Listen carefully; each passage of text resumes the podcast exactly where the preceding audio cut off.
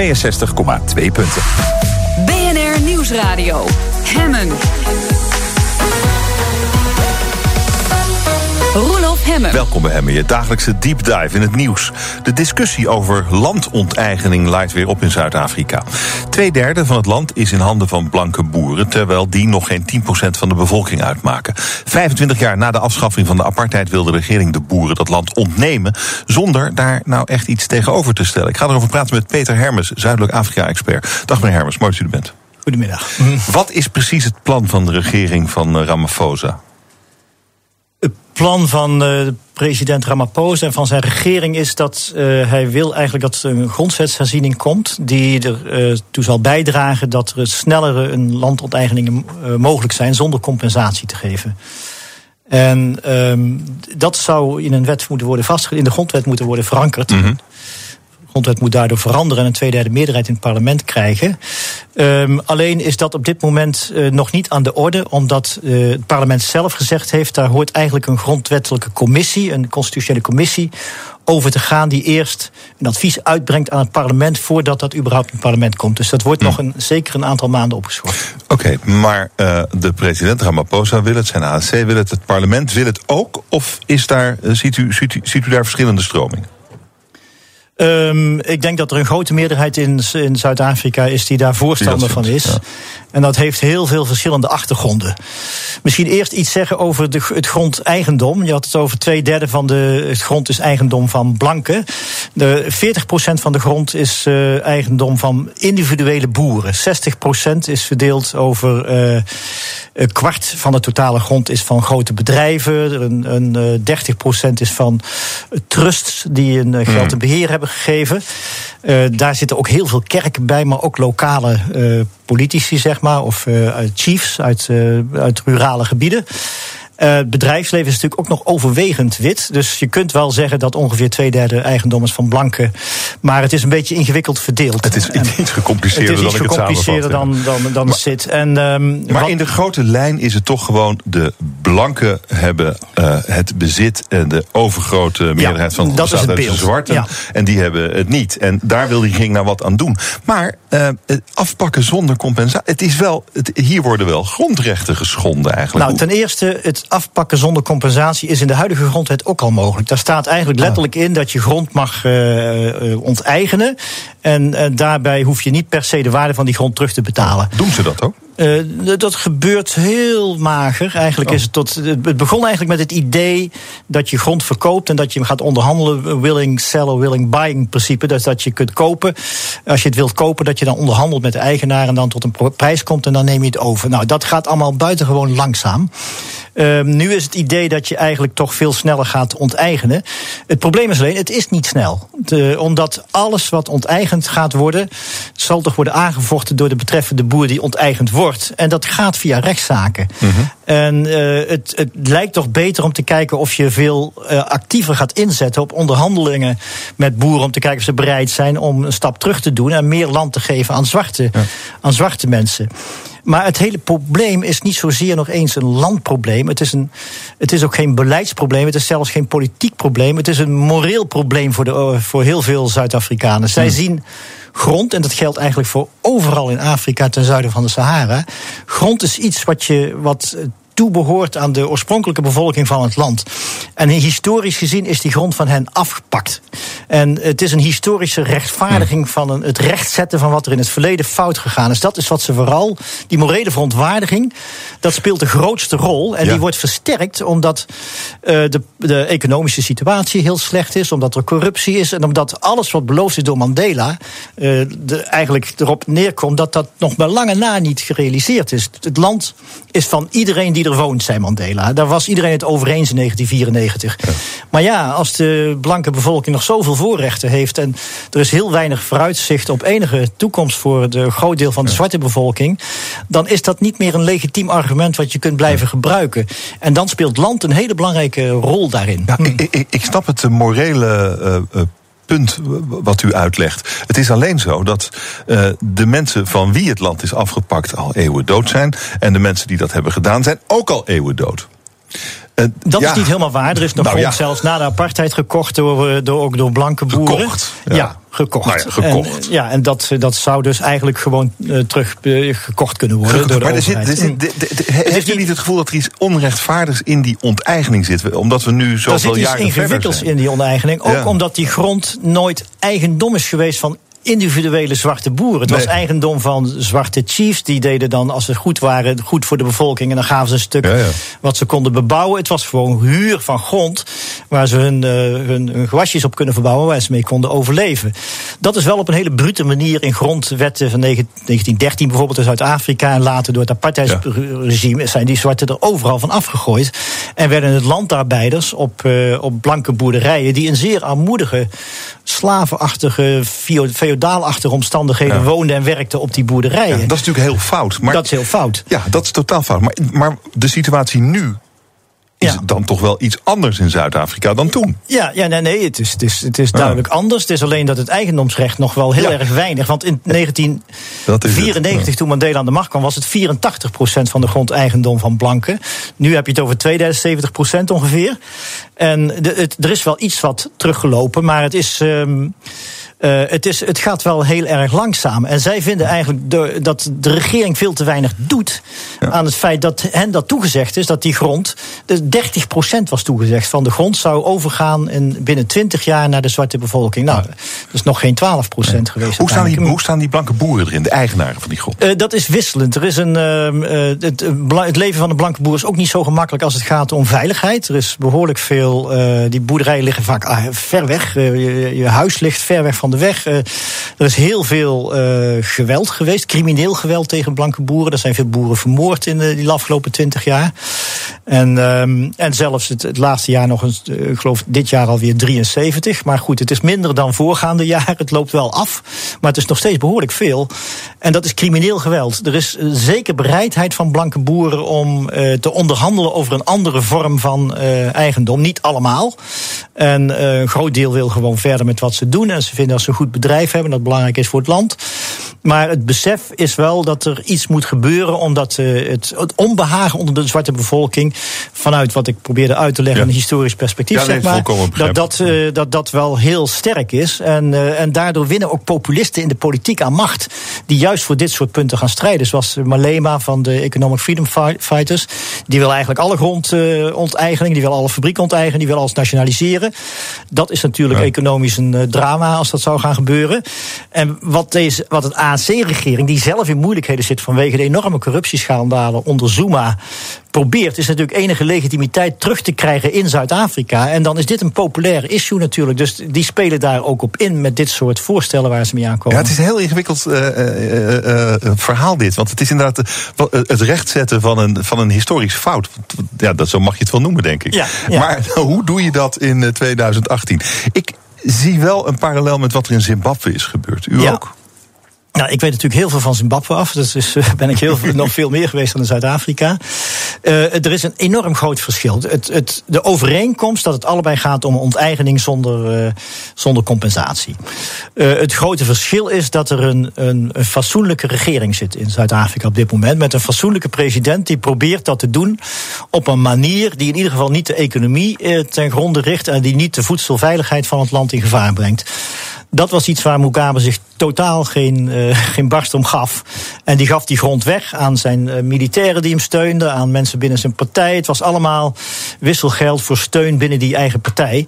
En heeft grote delen van die grond nog steeds liggen braak, gebeurt veel te weinig mee.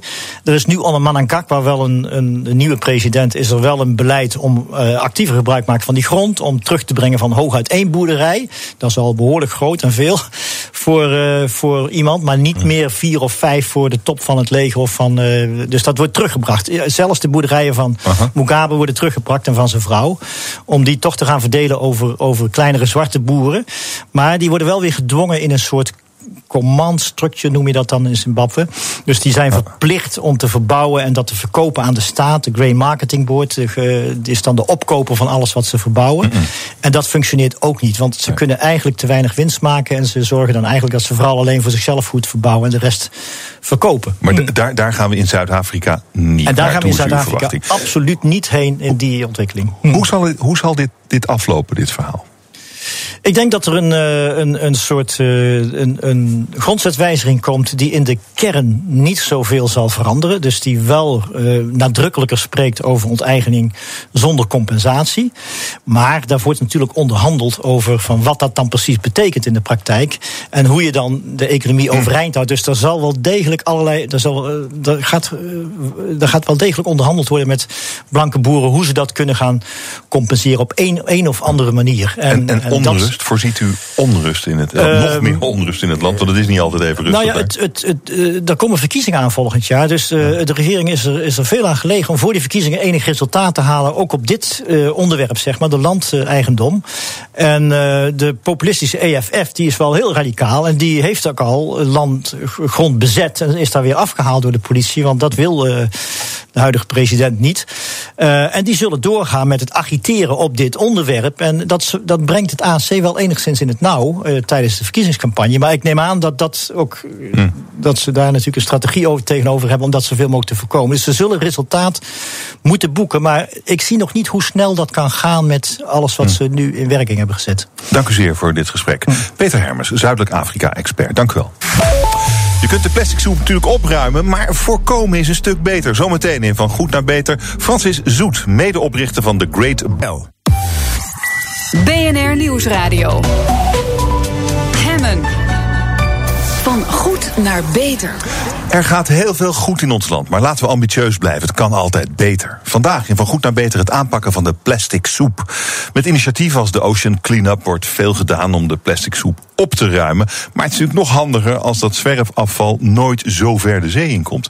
En daar denkt de start-up The Great Bubble Barrier nu een manier voor te hebben gevonden. Een onderwatergordijn van luchtbellen dat plastic afval kan tegenhouden. Medeoprichter Francis Zoet is bij me. Welkom. Mooi dat u er bent. Dankjewel. Hoe kom je op het idee van bubbeltjes in het water om plastic tegen te houden? Ja, dat was eigenlijk uh, het resultaat van een soort brainstorm. Dus onze, uh, wij zaten met z'n drieën, dus met Annemarieke Eveleen, Saskia Studer, mijn medeoprichters. Zaten wij samen, we zijn alle drie uh, zeilers, dus we zien veel plastic voorbij komen in het water. En wij zaten eigenlijk gewoon na te denken van hoe zouden we hoe zouden we toch dat probleem dichter bij de bron aan kunnen pakken? Hoe kan je hier in Nederland bijvoorbeeld al dat plastic in de rivieren tegenhouden, zodat het niet op die Noordzee terechtkomt? Um, en toen waren we op zoek eigenlijk naar een soort barrière, uh, maar dan een barrière die um, schepen doorlaat. Want uh, zodra je een barrière neerlegt, een net of een, uh, een drijvende hm. afvangboom, dan, um, ja, dan zit je de scheepvaart in de weg en heeft eigenlijk geen, geen kans van slagen. Dus uh, ja, wij zijn eigenlijk op zoek gegaan naar iets wat geen materiaal was. Dus uh, uh, ja, als je materialen gebruikt, dan hinder je de ja. scheepvaart. dus dan moet je toch gaan kijken naar elementen. Dus warmte, vuur, lucht, water. Um, en toen bleef eigenlijk de luchtvariant het beste hangen, omdat we ook al bekend waren met andere toepassingen van bellenschermen. Uh, die worden bijvoorbeeld gebruikt om uh, ja, geluid, akoestische overlast voor, uh, voor dieren te beperken onder water bij het plaatsen van boorplatforms of windmolenparken. Dus Als er geheid moet worden of zo. Ja, en dan leggen ze er oh, een. En dat dan lucht werkt dan? Ja, ja omdat het eigenlijk de geluidsgolven weer kaatst. Hm. Um, maar bijvoorbeeld ook bij, bij baggerwerkzaamheden worden bellenschermen toegepast om te voorkomen dat de bagger verder uh, de zee in drijft, oh, okay. bijvoorbeeld. Okay. Um, dus ja, we herkenden het bellenscherm zeggen, en zijn eigenlijk gaan kijken of we dat op een andere manier konden toepassen. En wat is dat dan geworden? Ja, de Great Bubble Barrier. Wat een topnaam is. Maar kan, zou je me kunnen uitleggen hoe dat precies werkt?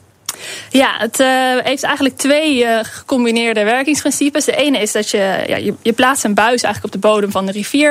Er zitten gaatjes in, daar pomp je lucht doorheen. Uh, en die lucht die gaat stijgen. en door die stijgende beweging van die bellen wordt eigenlijk ook het omliggende water deels mee omhoog genomen. en het plastic wat daarin drijft. Oh dus plastic wat in de waterkolom zweeft, wordt mee naar de oppervlakte genomen.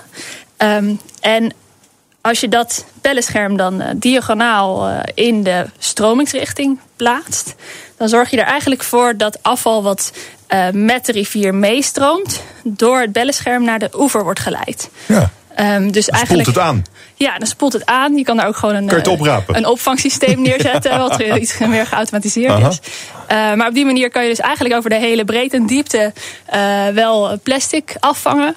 Uh, zonder dat je dus die scheepvaart of de vis in de weg zit. Doet dat het echt? Doet dat het echt? Hebben jullie het al geprobeerd? Jazeker. Ja? Ja. Uh, ja, we waren in eerste instantie vonden het ook heel spannend of dit concept zou Ja. werken. Nou, in eerste instantie klein prototype gebouwd. Toen in uh, mei 2017 bij Deltaris in, uh, in het lab getest. in de stroomgoot met verschillende stroomsnelheden, opstellingen. Um, daar liet het hele goede resultaten zien. Dus uh, zeker voor drijvende plastics en plastics in het bovenste deel van de waterkolom um, werkt het heel goed. Uh, hadden we 80 tot 90 procent uh, catch daar. Um, en toen hebben we in november 2017 hebben we uh, een grootschalige pilot gedraaid samen met Rijkswaterstaat, Deltaris en BAM van de Herik in de IJssel bij Kampen. Uh, daar hebben we een bubble barrier van 180 meter geplaatst. Uh, dus geschaald van nou ja, eigenlijk keer 20 zo ongeveer. Op zijn minst um, op 7 meter diepte. En uh, daar hebben we ook eigenlijk hele goede resultaten gehaald. Beter dan we zelf verwacht hadden. Uh, we hadden zelf gedacht, nou, als het ongeveer 70% afvangt met die wind en die golven, dan, uh, dan zijn we erg tevreden.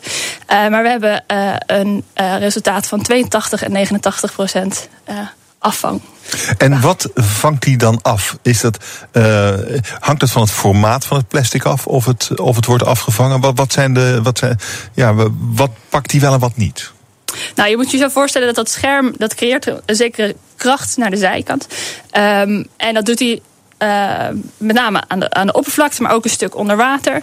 Um, wat hij dus afvangt is met name drijvend afval of afval wat zich in, de, in het uh, zweeft, wat zweeft ja, ja, in de waterkolom. Ja. Mm -hmm. um, dat gaat natuurlijk tot een zekere grootte. Als het een, een drijvende boomstam is, dan uh, ja, heeft hij zoveel massa dat hij misschien wel door, die, uh, door het bellenscherm heen breekt. Ja, maar die zoek je ook niet. Die maar die zoeken we ook niet, dat is waar.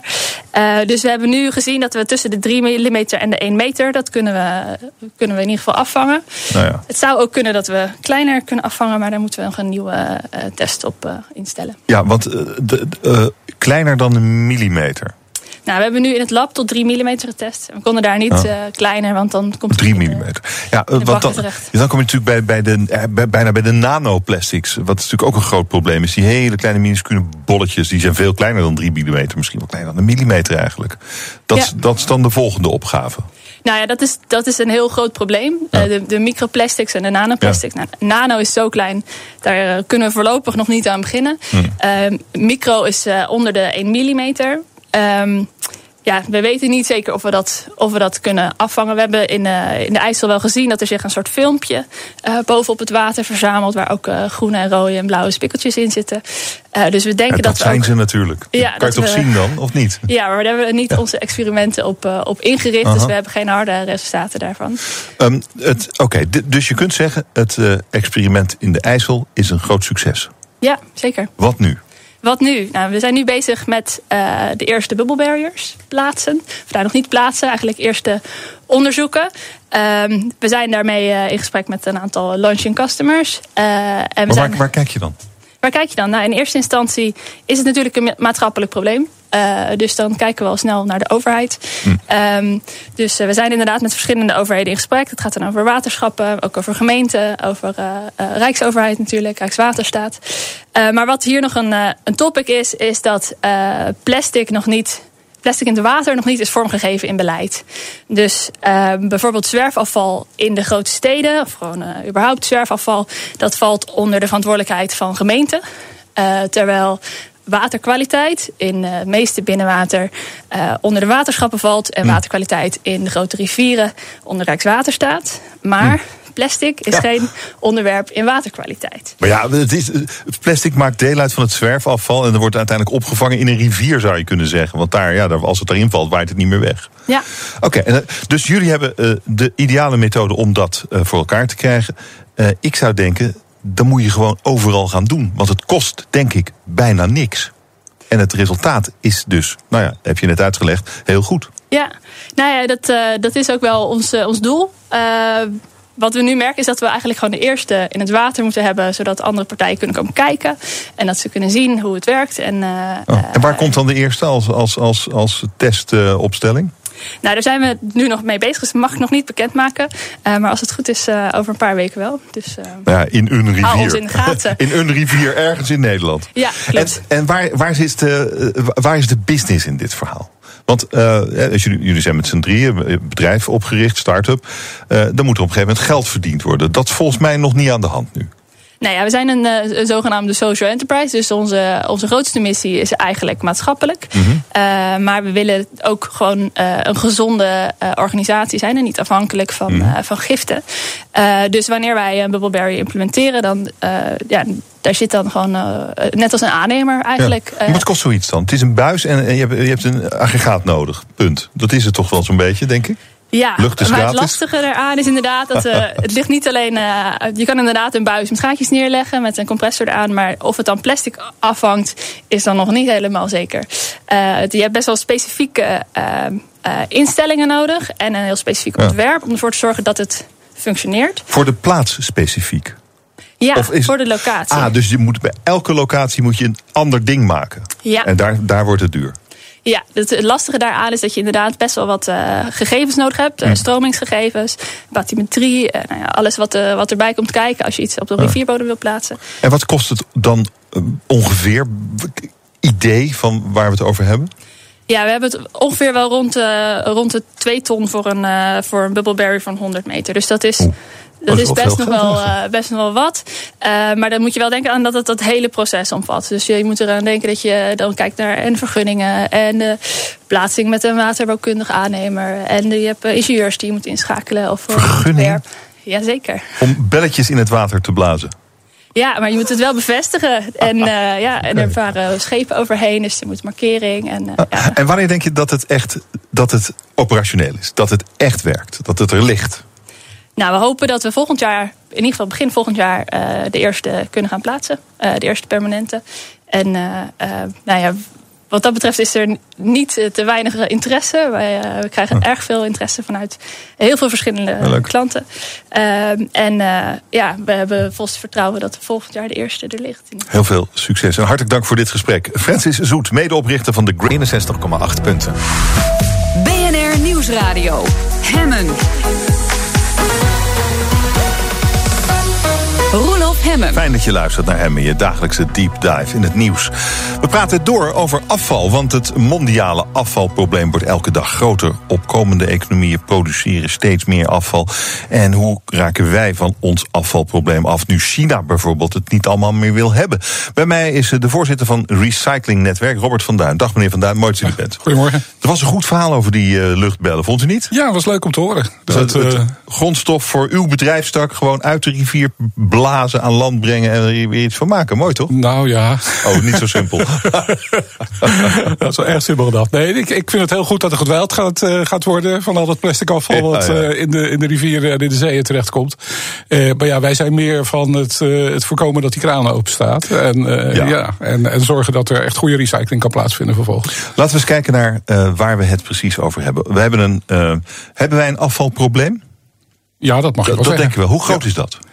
Uh, dat is heel groot. Ik bedoel, wereldwijd uh, gaat het om uh, 2 miljard ton afval van alleen de, de, steden. Het stedelijk afval. 2 miljard ton. 2 miljard, 2 miljard keer 1000 kilo. Dat is tegen de 300 kilo per, per inwoner. En ja, dat is verspreid natuurlijk. Dus verschillend in de verschillende landen, zou ik maar zeggen. En hoeveel daarvan ruimen we op? Uh, ja, dat ligt eraan hoe je opruimen definieert. Ja. Maar uh, als je bedoelt van hoeveel uh, wordt er gerecycled. Nou, ik denk dat dat in de buurt van de 30% zou kunnen terechtkomen. 20, 30 procent. Eh, maar dan is ook nog eh, de vraag van hoe goed wordt het dan uh, gerecycled. Eh, dus dat, nog, dat is nog geen kringloop. Nee, nee, nee. Um, wat voor afvalstromen hebben we eigenlijk op de wereld? We, we hebben natuurlijk wat we zelf maken, maar, maar er is waarschijnlijk nog veel meer. Kunt u eens een overzicht geven van wat er aan afval geproduceerd wordt en door wie? Uh, nou ja, het is uh, opmerkelijk dat het stedelijk afval, wat ik noemde, dat is niet eens het grootste deel van het, van het afval. want je hebt bijvoorbeeld mijnafval, en dat is echt een, een hele grote hoeveelheid. Uh, daarnaast uh, uiteraard het, het afval van, uh, van mijn, bedrijven. Mijn, mijn van, afval bedoelt u natuurlijk niet uw afval, maar wat er met, met mijn uit, bouw... Uit de mijnen, uit de, ja, precies. Ja, dus en wat de, is dat dan voor- de bauxietmijnen, die eh, zorgen voor aluminium. Nou, daar heb je de red mud. Dat zijn enorme hoeveelheden. En dat is ook gewoon troep en dat ligt ergens. Ja, nou ja, daarvan kan je zeggen van, eh, in ieder geval dat wordt, eh, wordt dan vaak gedaan, hoewel de hele landschappen mee eh, verziekt worden. Daarvan kan je zeggen van, nou ja, je haalt iets uit de grond en vervolgens gaat die grond weer terug. Maar goed, daar zitten allerlei nadelen U noemt het afval in elk geval. En wat In ieder geval wordt dat, nou ik niet alleen, maar in, de, in de officiële statistieken wordt, dat, wordt dat tot afval gerekend. Maar wat men meestal als afval ziet, is toch vooral het, het stedelijk afval, of ook wel het huishoudelijk afval genoemd, waar dan vaak ook het afval van kantoren, winkels, diensten bij zit. En dat is dat cijfer wat ik net noemde van die, eh, van die 2 miljard eh, ton eh, per jaar wereldwijd. En daarvan zie je dat er, nou ja, bijvoorbeeld in de Verenigde Staten is dat 750 eh, kilo per inwoner per jaar. Nederland zit op eh 500, de Europese Unie gemiddeld op 400. En nou, daar kan je dus inderdaad aan aflezen ook ja, hoeveel consumptie en overconsumptie er in de verschillende landen is. Ja, dus de Amerikaan maakt de meeste rommel. Eh, in ieder geval, als je de gemiddelde eh, Amerikaan daarmee Ja. eh, bedoelt, dan zou je dat kunnen zeggen. Hoewel het zo is dat als ik naar die statistieken ga kijken, dan zie ik bijvoorbeeld dat er in, in Denemarken, Noorwegen, Zwitserland, daar zitten ze ook boven de 700 kilo per inwoner per jaar. Oh, oké. En, en, en wij?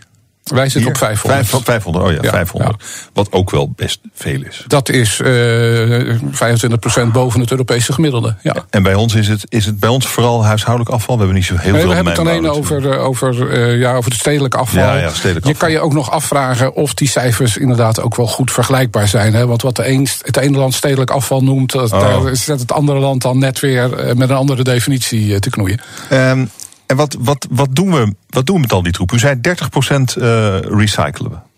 Ja, dat was wereldwijd, Wereldwijd, eh, dan zeg ja. maar.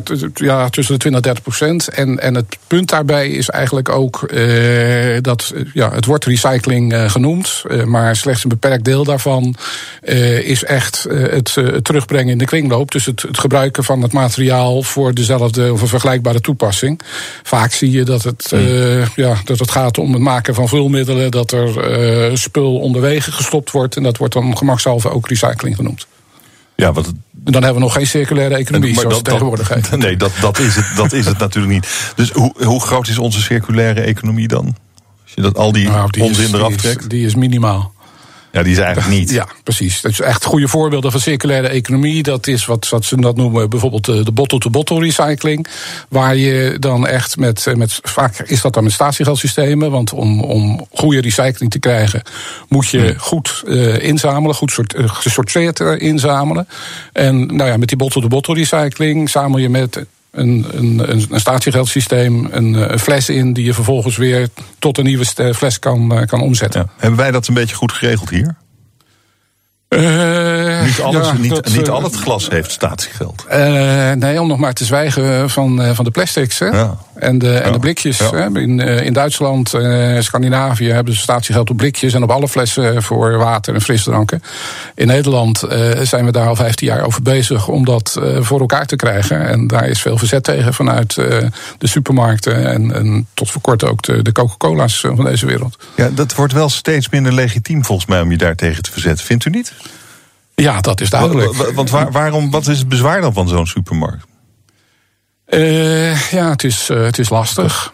Lastig. Vinden ze. En ja, er zitten nog de beelden bij van vroeger. Van dat, eh, dat smerige, kleverige emballagehok. eh, in, in een situatie waarin de, de statiegeldautomaat die het inzamelde nog niet zo goed werkte.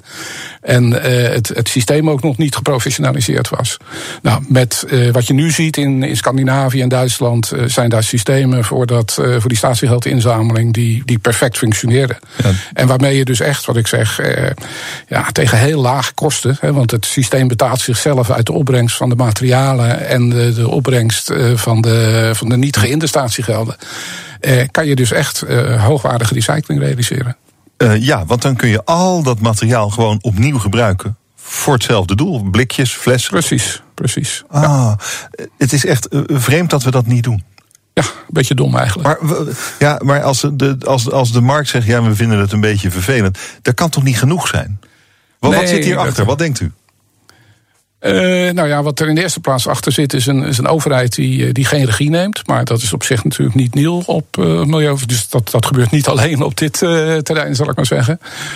En ja, daar zit wel een, een vrij machtige lobby achter. die ja, eigenlijk vindt van producentverantwoordelijkheid. Hè, want eh, we hebben het over afval in zijn algemeenheid. Eh, daar geldt ook in zijn algemeenheid eh, verantwoordelijkheid van producenten voor datgene wat ze op de markt gebracht hebben als eerste. Nou ja, die producentverantwoordelijkheid, eh, met zo'n statiegeldsysteem heb je dat eh, dus echt in optima forma. Ja. Dat is de beste vorm eh, daarvan. En- de- dus dus hoeveel, hoeveel gooien we dan gewoon weg? Want dat, ja, dat wordt dan eigenlijk niks. Hoeveel is dat Het dan? wordt heel weinig. Als je, als je gaat kijken in, eh, in Nederland eh, naar de, nou ja, de blikjes. eh, ja, daar wordt geen hoogwaardige recycling mee gerealiseerd. Wat doen we ermee dan? Eh, We gooien het weg en dan? We gooien, we gooien het weg. Het komt eh, bij, de, bij de afvalverbrandingsinstallatie eh, op een gegeven moment terecht. Nou ja, daar hebben ze wat ze noemen een eddy current scheider. En daar wordt een deel van, de, van de blikjes dan, dan uitgehaald. Eh, maar vervolgens kunnen daar geen nieuwe blikjes meer van gemaakt Nee, worden. dat wordt dan een laagwaardig eh, Dat wordt, metaal. wordt een laagwaardig metaaltoepassing. Ja. ja, Er zit iets doms in. Daar zit iets dom Ja. in. Ja. Ehm, wat we, het, het schijnt wel zo te zijn dat wij ook afval exporteren. Ja, zeker. Eh, want elders is ons afval brandstof, denk ik. Of wordt er iets nuttigs mee gedaan? Nou, dat ligt aan welk, welk materiaal het is. Hè. Maar inderdaad, we hebben eh, in Nederland eh, heel veel afvalverbrandingsinstallaties staan. Zelfs zoveel eh, dat ze niet volkomen en dat we afval moeten importeren uit, uit Engeland bijvoorbeeld. En het verleden ook Italië. uit Italië. Ja, Ja, ja. precies. Maar goed, niet, alles, niet al het afval is natuurlijk brandbaar afval. Eh, en bovendien is het zo dat eh, ja, datgene wat dan brandbaar afval is, bijvoorbeeld die, eh, die plastics, daar haal je maar een, een beperkt deel van de, van de energieinhoud van die plastics, die je weer nuttig kan gebruiken met zo'n met zo'n afvalverbrandingsinstallatie. Dus uiteindelijk is het toch zo dat ja, als je gaat recyclen, zeker als je goed gaat recyclen, dan haal je minstens twee keer zoveel milieuwinst eruit dan wanneer je het gaat verbranden. En ik las laatst in het Financiële Dagblad... er wordt weer meer gestort. Ja, Afval gewoon storten. Ik dacht dat we daar wel voorbij waren. Dat eh, dacht ik ook. Maar ja, dat, eh, dat komt dus eh, toch weer een beetje terug. ja, maar dan Ja. leggen we het gewoon op de grond ergens. Dat is, Ja, toch, dat of, is toch een... Of we noemen het eh, nuttige toepassing. Nuttige en dan toepassing. wordt het eh, onder een weg eh, gezet. Wordt- ja, ah, oké. En ik, ik ben nu al, al een hele tijd bezig met het elke keer keurig netjes sorteren van het afval. Ik wil vier verschillende stromen vanuit mijn huis. Ja. Dus een goede zaak, doorgaan. Ja, maar, dan lees ik, ze flikkeren het gewoon op een grote hoop. U vertelt me net, er wordt maar heel weinig gerecycled. Waarom doe ik dat? Ja, nou, het is niet zo dat, eh, dat het op een grote hoop eh, geflikkerd wordt. Er gaat wel eens wat mis eh, natuurlijk. dat je een, een vuilniswagen hebt met een, met een beetje verontreiniging erin... van, van de GFT-fractie bijvoorbeeld, die zodanig is... dat ze zeggen van nou ja, hier kunnen we niet meer compost van, van maken. Nou, dan, dan wordt dat terzijde gelegd. Maar het overgrote deel van wat, wat u gescheiden aanlevert... dat wordt echt wel, wel Ja. opgewerkt tot iets. Maar ik moet er tegelijkertijd bij zeggen... als ik kijk naar die, die plastic inzameling... Ja, dat is op een zodanige manier eh, georganiseerd. Dat- Er komen uiteindelijk maar zes verschillende eh, afvalstromen eh, uit. Hè. Dus het wordt gesorteerd in zes plastic stromen. Eh, terwijl er honderden eh, verschillende soorten plastics eh, zijn. En Dat bovendien. kan je niet door elkaar gooien. En, en die verpakkingen die zijn bovendien eh, verontreinigd met vocht en, en, en eh, resten van de producten die erin gezeten hebben. Er is dus nog een wereld te winnen als het gaat over recycling.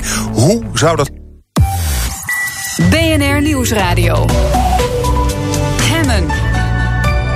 Zojuist komt het nieuws binnen dat VVD-Kamerlid Han ten Broeke terugtreedt als Kamerlid. HP De Tijd schrijft dat een medewerker hem beschuldigt van seksueel grensoverschrijdend gedrag. Dat is wat we nu weten. Om één uur praat ik erover door met onze politiek verslaggever Laurens Boven. Eh, mijn gast is eh, Robert van Duin. Hij is voorzitter van Recycling Netwerk. En we hebben het over afval en over hoe je daar slim mee kan omgaan. Eh, en en we, stelden, we stelden vast, meneer van Duin, dat doen we op dit moment niet. Niet in de wereld en niet in Nederland. Nou, niet slim genoeg in ieder niet geval. slim Nee. genoeg. Dus wat, wat is nou, wat zou, zou voor u nou een slimme manier zijn? Wat is voor u de ideale wereld?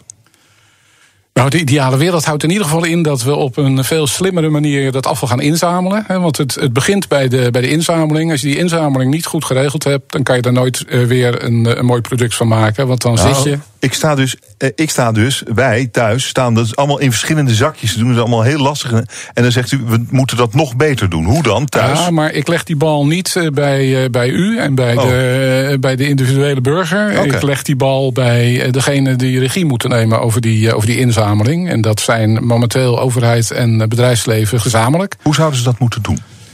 In ieder geval eh, veel meer inzamelen op eh, productniveau, zoals ik dat noem. Eh, en dat, dat betekent niet dat u al die producten afzonderlijk moet gaan, gaan inzagen, ja, gaan opslaan Ja. in de kelder of waar dan ook. Dat betekent dat u ze meeneemt naar een apparaat in de winkel of in een winkelstraat. In een, ja, er zijn bijvoorbeeld in Apeldoorn eh, bepaalde eh, eh, locaties bij een supermarkt eh, op, een- parkeerplek neergezet. Nou, daar kan je je, je spullen afleveren. Zoals je nu met eh, lege glasflessen doet. Zoals je nu je lege glasflessen in dezelfde automaat doet als de, de lege eh, plastic flessen. En ze in Duitsland en Noorwegen enzovoort eh, daarvoor ook de blikjes in datzelfde automaat doen. Die automaat, eh, daar, zit een, eh, ja, eh, daar zit slimme apparatuur in die ervoor zorgt dat het vervolgens gescheiden wordt in bepaalde bakken. Dat kan allemaal, ieder product heeft tegenwoordig een barcode. Eh, Dus op basis van die barcode kan herkend worden in welke bak het moet. En dan heb je zaken gescheiden met één en dezelfde plastic bijvoorbeeld. En- één en dezelfde productvervuiling. En dat is essentieel om er weer eh, hoogwaardige producten van te maken. Dat is Als je het essentieel, allemaal bij elkaar gooit, we hadden het erover, wordt het, eh, wordt het een, Dan, een dan moet je heel veel moeite doen om het vervolgens goed te sorteren. En, Maar, maar ik, u zegt u legt de bal niet bij mij, maar ik voel dat wel zo. Want ik, ik zie mezelf al met, met dat zakje staan en dit moet daar en dat moet daar. En dan sta ik eigenlijk Nee, maar nog... dat, dat moet dus juist niet. U maar gooit het gooi allemaal in zak- en diezelfde opening. Ja, en uiteindelijk moet dat inderdaad kunnen. En dat, dat technisch Ja, ja. moet dat geen enkel bezwaar zijn om, een- om een hele zak gewoon in een eh, automaat te Ja, gooien. u die denkt dat dat vervolgens- geen bezwaar is of u weet dat het geen bezwaar is? Nou, ik weet, dat is- er, ik weet dat er eh, heel veel experimenten mee eh, Ja, ja. gedaan zijn. En ik denk dat deze techniek een stuk makkelijker en dichterbij is. dan de techniek bijvoorbeeld om de plastics uit de oceanen te halen. Want eh, dat is eh, toch een beetje mijl op zeven. Voor zover dat al voldoende bijdraagt. Nou, zeg dat niet tegen Bojan Slat. Die, is, die gaat dat gewoon doen volgende, volgende maand volgens mij. Ja, zelfs. maar eh, ik, ik, ik ben een oude Delftenaar ook. En ik ben nogal cijfermatig ingesteld. En als ik dan ga kijken van wat kan dat nou opleveren ten opzichte van datgene wat er jaarlijks nog steeds in de oceanen terechtkomt, dan zeg ik van ja.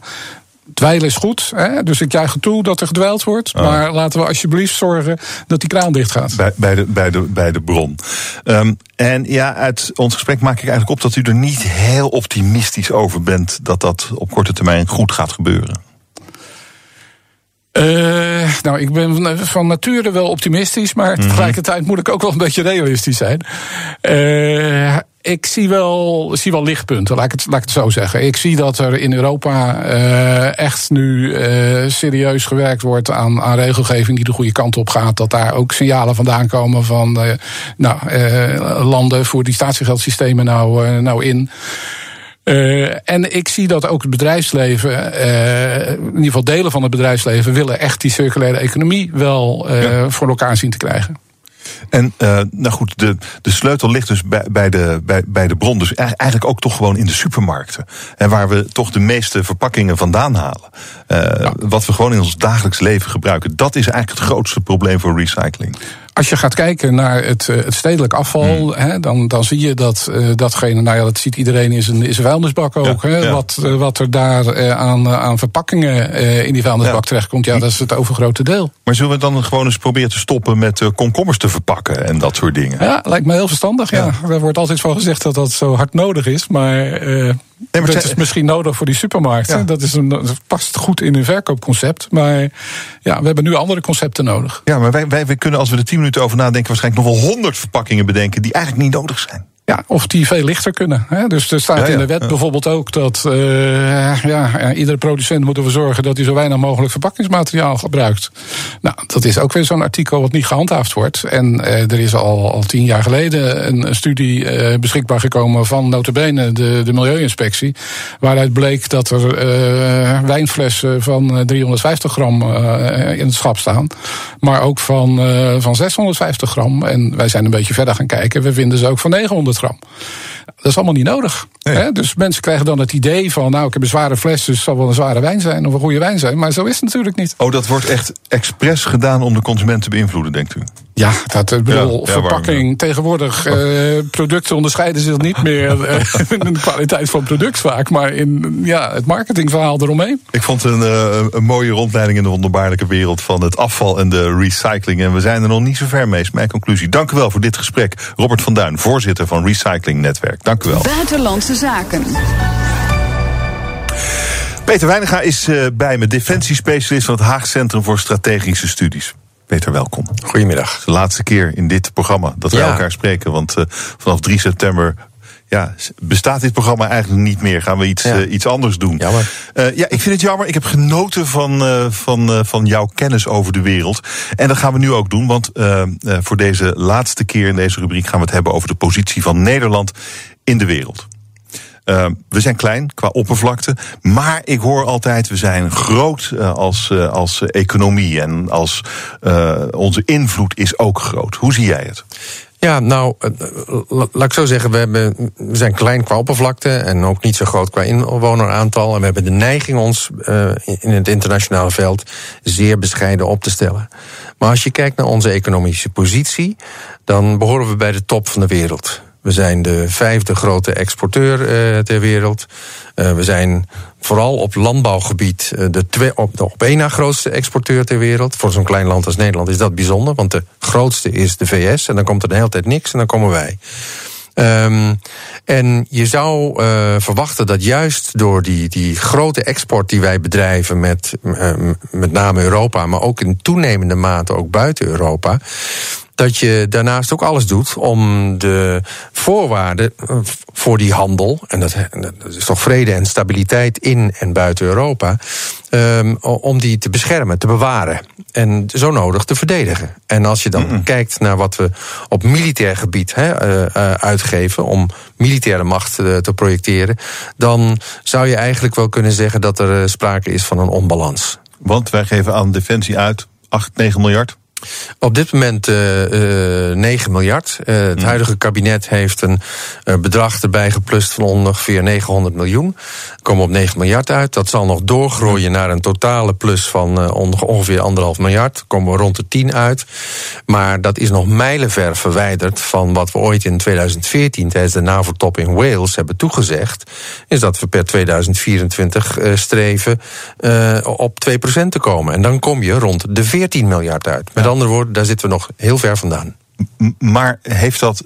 Uh, je, je, zegt eigenlijk, we hebben hele grote belangen. Onze belangen strekken zich uit over de hele wereld. Dat ja. moeten wij uh, beter helpen verdedigen. Ja. Ja. Uh, lukt dat, denk je dan, met 14 miljard beter dan met 9 miljard? Want dan zijn we nog steeds inimini. Uh, ja, we blijven inimini. En we, we moeten ook niet denken dat we het allemaal alleen kunnen doen. We moeten dit samen met bondgenoten doen. Bondgenoten binnen de NAVO, bondgenoten de, binnen de EU. Ja, dat klopt. Alleen op dit moment is onze bijdrage aan dat geheel wel vrij klein. En dat krijgen we natuurlijk ook te horen van uh, de Verenigde Staten. Ja, en, en, en Trump, Obama ook al eigenlijk. Precies, en ja. voor hem Bush ook al. Ja, ja. Uh, en dat zal, stel dat Trump weggaat en we denken het is allemaal over, dan kunnen we vergeten. Ook al komt er dan een democratische president, dan blijft dit een item. En uh, wat je ziet is dat wij qua economische macht uh, uh, lekker verdienen. We zijn lekker aan het verdienen. Maar de beveiliging van die handelsbelangen, die ver tot over onze grenzen strekken. Ja, dan zijn we hm. toch te veel afhankelijk van andere partijen. Ja, het is toch gek dat, dat eigenlijk die economische, dat economisch belang en de bereidheid dat militair te verdedigen niet hand in hand gaan. Dat is eigenlijk gek. Nou ja, het zit een beetje in onze geschiedenis hoor. Ik bedoel, ook in de 17e eeuw klaagden uh, uh, destijds de stadhouder of de vlootvoogden al over het feit dat mensen wel de hele wereld over bestuurde, maar niet de goede mensen en middelen gaf om, om hun missie te volbrengen. En ook het staatse leger klaagde, zat regelmatig zonder geld. Dus terwijl de regenten in Amsterdam zeg maar in wilde zaten vanwege die internationale handel.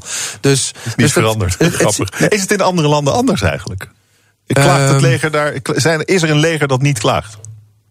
Oh, uh, volgens mij zit dat nou, wel in het leger. Je moet, je moet eigenlijk zeggen, is er een volk dat niet klaagt? Elk volk klaagt wel en dus het leger ook wel een beetje. Maar je ziet wel andere landen, zoals mhm. bijvoorbeeld Frankrijk...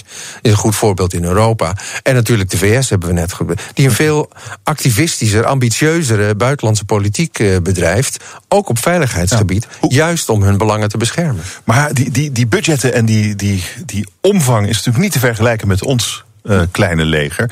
Hoe, hoe, denk, hoe, kunnen wij dan uh, toch een beetje gelijke pas houden met ons economisch belang in militair opzicht? dus door die begroting te vergroten. Maar wat gaan we dan doen met al die militairen?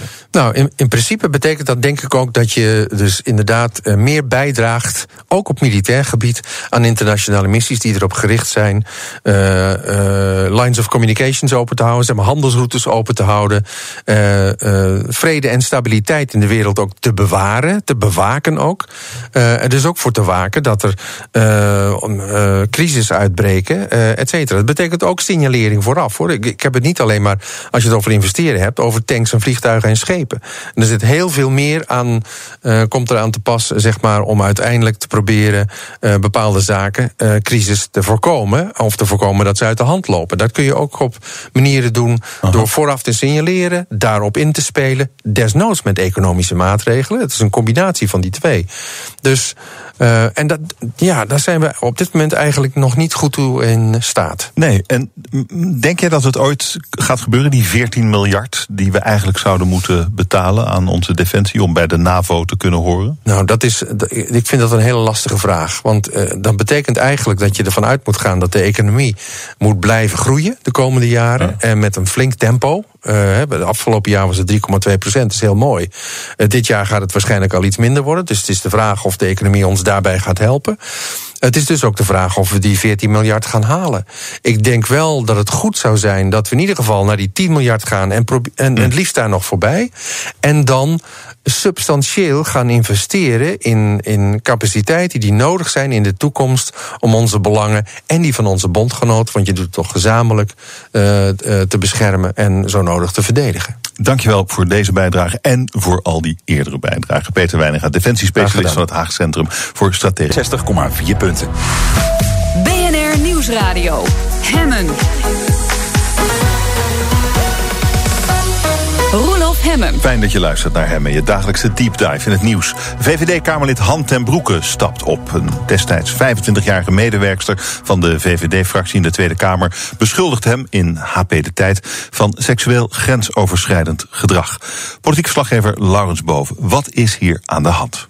Het heeft uh, gespeeld in 2013. Uh, Han ten Broeke die uh, schrijft uh, in een verklaring op zijn eigen website en op de site van de VVD dat hij een kortstondige intieme relatie heeft gehad met een destijds 25-jarige medewerkster van de VVD-fractie. En hij spreekt van een ongelijkwaardige relatie. Volgens hem is er niets onoorbaars uh, voorgevallen. Maar uh, dat ziet hij, uh, die, die vrouw in kwestie ziet het anders. Die heeft hem beschuldigd van seksueel grensoverschrijdend gedrag. Ook toen al over een soort. Dus dat speelt ook al jaren geleden, die beschuldiging. Um, Halbe Zijlstra, de toenmalige fractievoorzitter, die heeft um, daarop natuurlijk gehandeld. Die heeft die vrouw voorzien van een uh, advocaat en uh, aangedrongen bij die vrouw om uh, aangifte te doen. Nou, dat is niet gebeurd. op enig moment hebben dan um, Hand en Broeke en die vrouw een, met hulp van advocaten een verklaring opgesteld. Ze wilden het allebei achter zich laten, schrijft Hand en Broeke. Een verklaring opgesteld waarin staat we agree to disagree en vervolgens ook geheimhouding hebben afgesproken over de verklaring. Um, en een we agree to disagree, dat is dus de, de versie van Hand en Broeke dat er een ongelijkwaardige relatie is geweest versus wat die vrouw dus heeft gezegd dat er uh, seksueel grensoverschrijdend gedrag heeft plaatsgevonden. Ja, maar dat, dat seksueel grensoverschrijdend gedrag is een uh, heel groot en vaag begrip. Dat is waar we het mee moeten doen, uh, okay. Roelof. Dat is de verklaring, dat zijn de, de, de woorden die uh, in die verklaringen staan. Um, het, feit is de, dat het nu naar buiten is gekomen, is dus voor Hand en Broeke uh, aanleiding om dus op te stappen als Kamerlid. Um, hij zegt daarover in zijn verklaring. Um, dat, even kijken, hoor, het zit aan het eind dat er ja, nu een situatie is ontstaan die hij niet meer kan uh, controleren in feite. En uh, niet meer onbeheersbare gevolgen van de publicatie. Dus ja, ja. Um, je leeft als politicus in een glazen huis, schrijft hij. Je integriteit mag geen onderwerp van discussie zijn. Um, hij, hij zegt dan volgens, ik kan mezelf recht in de ogen kijken, aankijken, maar desondanks besloten mijn Kamerlidmaatschap neer te leggen. Al dus die verklaring van Hantenbroeken. Dat is toch een beetje gek, want als je jezelf recht in de ogen kunt kijken en de zaak is destijds afgedaan, waarom stapt hij dan op? Had hij, laat ik het anders aan je vragen, Laus. Had hij ook kunnen blijven zitten? Nee, dat denk ik niet. Nee, oh. dat, um, kijk, er is natuurlijk een. Um, als, als, als zoiets dergelijks gebeurt, als dit in de, deze beschuldiging wordt, uh, wordt geuit, dan wordt het natuurlijk heel ingewikkeld om te kunnen blijven mm. uh, functioneren. dat, dat, is, dat lijkt me duidelijk. Maar het is een. Um, kijk, het interessante is dat er een jaar geleden rondom de formatie sprake was van dat uh, Hand minister van Buitenlandse Zaken zou worden. En toen is er ook, werd er wel gespeculeerd van dat er iets speelde in zijn verleden. Die geruchten die, die gingen al langer. Dat iets dergelijks is gebeurd. En dat hij daarom geen minister zou kunnen worden. Nou, daar gaat hij ook op in in zijn verklaring. En hij zegt dan dat dat niet het geval is. Um, dat er gewoon geen twijfel over was dat Halbe Zijlstra minister van Buitenlandse Zaken zou worden en niet hij. En dat hij overigens toen op dat moment ook ziek werd. Hè. Hij heeft een aantal maanden uh, was hij uit de running omdat hij uh, ziek is geworden. Inmiddels gaat het beter met hem. Maar er is dus uh, geen reden geweest. Geen, dit heeft nooit een rol gespeeld in de discussie of hij wel of geen minister zou kunnen worden, schrijft hij. Het is alweer een flinke deuk in de VVD. Nou ja, het is natuurlijk een zeer prominent uh, Kamerlid. Hè. Was, uh, was uh, veel bij ons ook natuurlijk in de uitzending. Überhaupt veel in de, -hmm. in de publiciteit. een van de, de seniors, een steunpilaar natuurlijk ook onder de fractieleiding. samen met, met Hennis, hè, de voormalig minister van Defensie. was hij toch wel belangrijk in de, in de VVD-fractie. Een van de uitgesproken gezichten van de, van de VVD-fractie. Die ook zelfstandig uh, opereert. In de zin van, hè, bij de VVD-fractie er gebeurt het niet zo heel veel dat meer dat je Kamerleden hebt die zeer prominent zelfstandig in het nieuws zijn. De, uh, en de, hij was er wel één van. Dus wat dat betreft zal dat zeker een gemis zijn voor die, voor die fractie natuurlijk. Dankjewel, Laurens Boven. Later vandaag hoor je natuurlijk veel meer over het opstappen van uh, VVD-Kamerlid Han ten Broeke. BNR Nieuwsradio. Het kabinet moedigt aan dat het Nederlands onderwijs verder internationaliseert. Voor universiteit een uitdaging om dat proces vorm te geven zonder dat de Nederlandse studenten verdrongen worden. Bijvoorbeeld ook voor de Tilburg University, dat nu al een flinke populatie van internationals kent. Ik ga even praten met mijn gast, en dat is de voorzitter van het college van bestuur van de Tilburg University, Koen Bekking. Welkom meneer Bekking, mooi student. Fijn. Minister van Engelshoven is uh, in principe voorstander van internationalisering van het onderwijs, maar dat mag die Nederlandse student niet verdringen. Uh, daar spreekt een soort angst uit. Is die angst terecht? Ziet u al zoiets gebeuren? Nee, daar zijn geen aanwijzingen dat dat uh, al gebeurt. Maar ik, en ik, ik deel die angst ook niet. Die is er volgens mij ook niet. Ik denk dat de minister en ik uh, het belang van internationalisering uh, onderstrepen en onderkennen.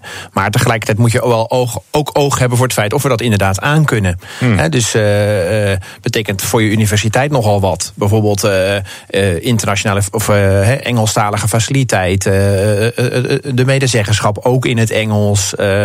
nou, verenigingsleven ook in het Engels, noem het allemaal maar op. Dus ja, het, het, het, het stelt ook eisen aan de instellingen. Dat is allemaal lastig. U heeft 12 tot 13 procent, geloof ik, aan ja, ongeveer, buitenlandse ja, studenten. Ja, ja. Um, is, de dingen die u nou net noemt, heeft u die allemaal perfect geregeld? Nee, helemaal niet. Nee, dat is dus ook precies de uitdaging die er ligt.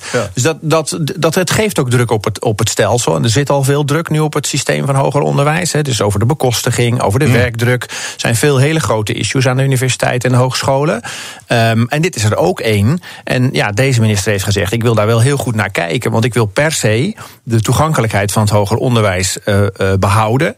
Ook voor de Nederlandse studenten. He, dus, maar wanneer wordt het een probleem, buitenlandse studenten? Ik, ik, de taal is natuurlijk uh, nou, de taal is voor een deel een probleem. Ja.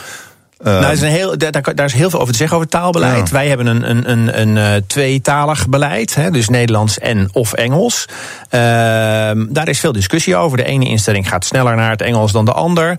Um, maar ik denk dat het grootste punt is, uh, uw vraag is, die, als, het to, als het tot verdringing leidt van, van de Nederlandse studenten, dan wordt het een serieus ja. probleem. Maar dat is nu is nog niet aan de orde. Maar wanneer is dat dan ja, wel? Dat, dat vind ik heel moeilijk in te schatten. Dat, dat, dat is een beetje speculeren. Maar zodra de toegankelijkheid onder druk komt te staan staan en uh, er, er, geen toegang meer is voor onze eigen kinderen, dan is het een serieus probleem. En dat is het nu niet. Nee, Ik ken de cijfers niet wanneer dat wel het geval zou zijn. Uh.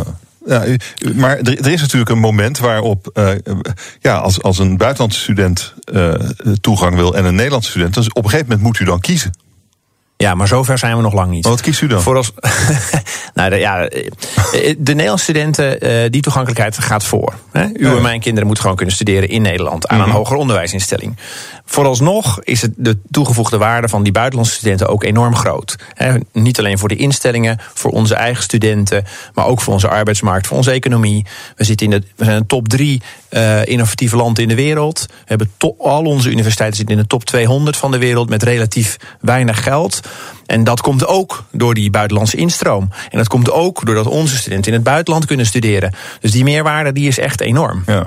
Het levert ook gewoon geld op natuurlijk. Wat het levert, ook gewoon geld op. Wat, levert een buitenlandse student u meer op dan een Nederlandse? Dat is uh, min of meer gelijkwaardig. Dus beide, oh. beide geldstromen zijn min of meer uh, kostendekkend. Gros, als je het zo grosso modo zegt.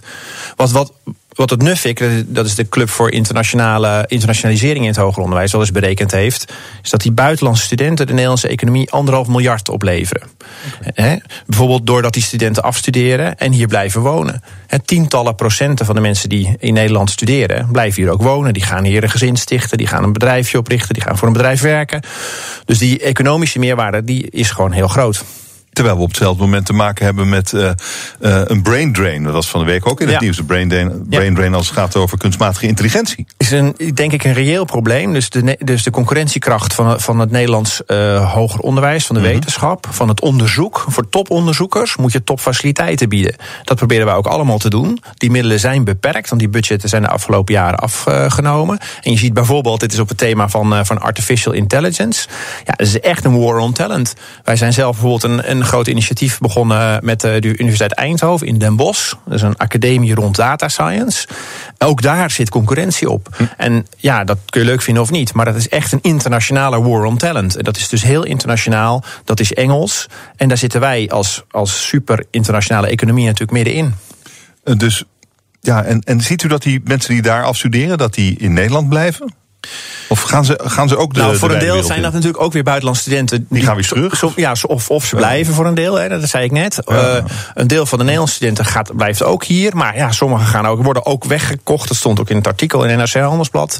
Uh, Microsoft, Google, bedrijven die dat talent bij ons weghalen. Daar is op zichzelf natuurlijk ook weer niks mis mee. Want ja, zo werkt die e- internationale economie. Ja, wat er mis mee is, is, is dat die mensen voor de wetenschap van belang zijn natuurlijk. Ja, maar het is natuurlijk niet, niet iedereen die wij opleiden gaat natuurlijk de wetenschap. Het is maar een heel klein, heel klein percentage mensen gaat in de wetenschap werken. Ja, maar de domste gaan niet naar Google. Ja, dat, zegt u. dat denk ik.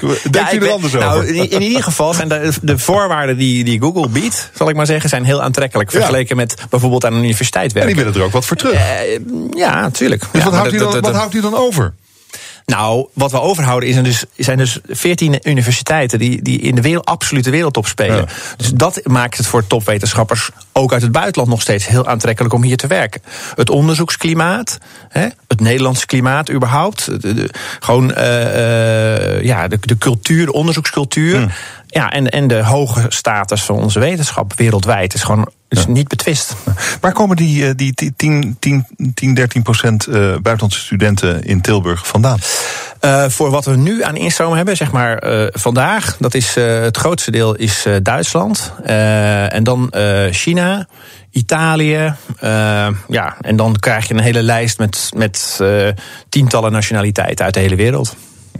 En uh, die spreken allemaal Engels. Het is, er is één grote uh, internationale gemeenschap die, die, die moet Engels spreken. Dus de voertaal op uw universiteit uh, is, ja, is waarschijnlijk Engels. Ons, ons taalbeleid is, dat, ja. is, is er een van inclusiviteit. Dus als er buitenlandse ja. mensen in het gezelschap zijn, dan spreek je Engels.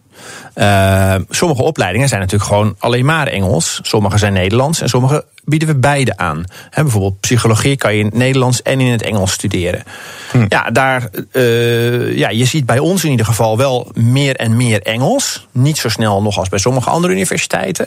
Maar ook het Nederlands verdient, wat mij betreft, ook natuurlijk volle aandacht. Het is echt niet zo dat wij alles willen vervangen zo kort, zo snel mogelijk door Engels. Je moet ook wel goed Engels spreken als je Engels spreekt eigenlijk. Hè? Ja, dat is een reële. dat? Ik, wat mij betreft is dat een reële klacht, vaak ook van studenten. Die zeggen: ja, maar zo'n docent, ja, dat is allemaal steenkolen Engels. Dat komt natuurlijk voor. Hè, als je als docent 20, 30 jaar in het Nederlands les hebt gegeven. en een deel soms van je werk naar het Engels moet omzetten.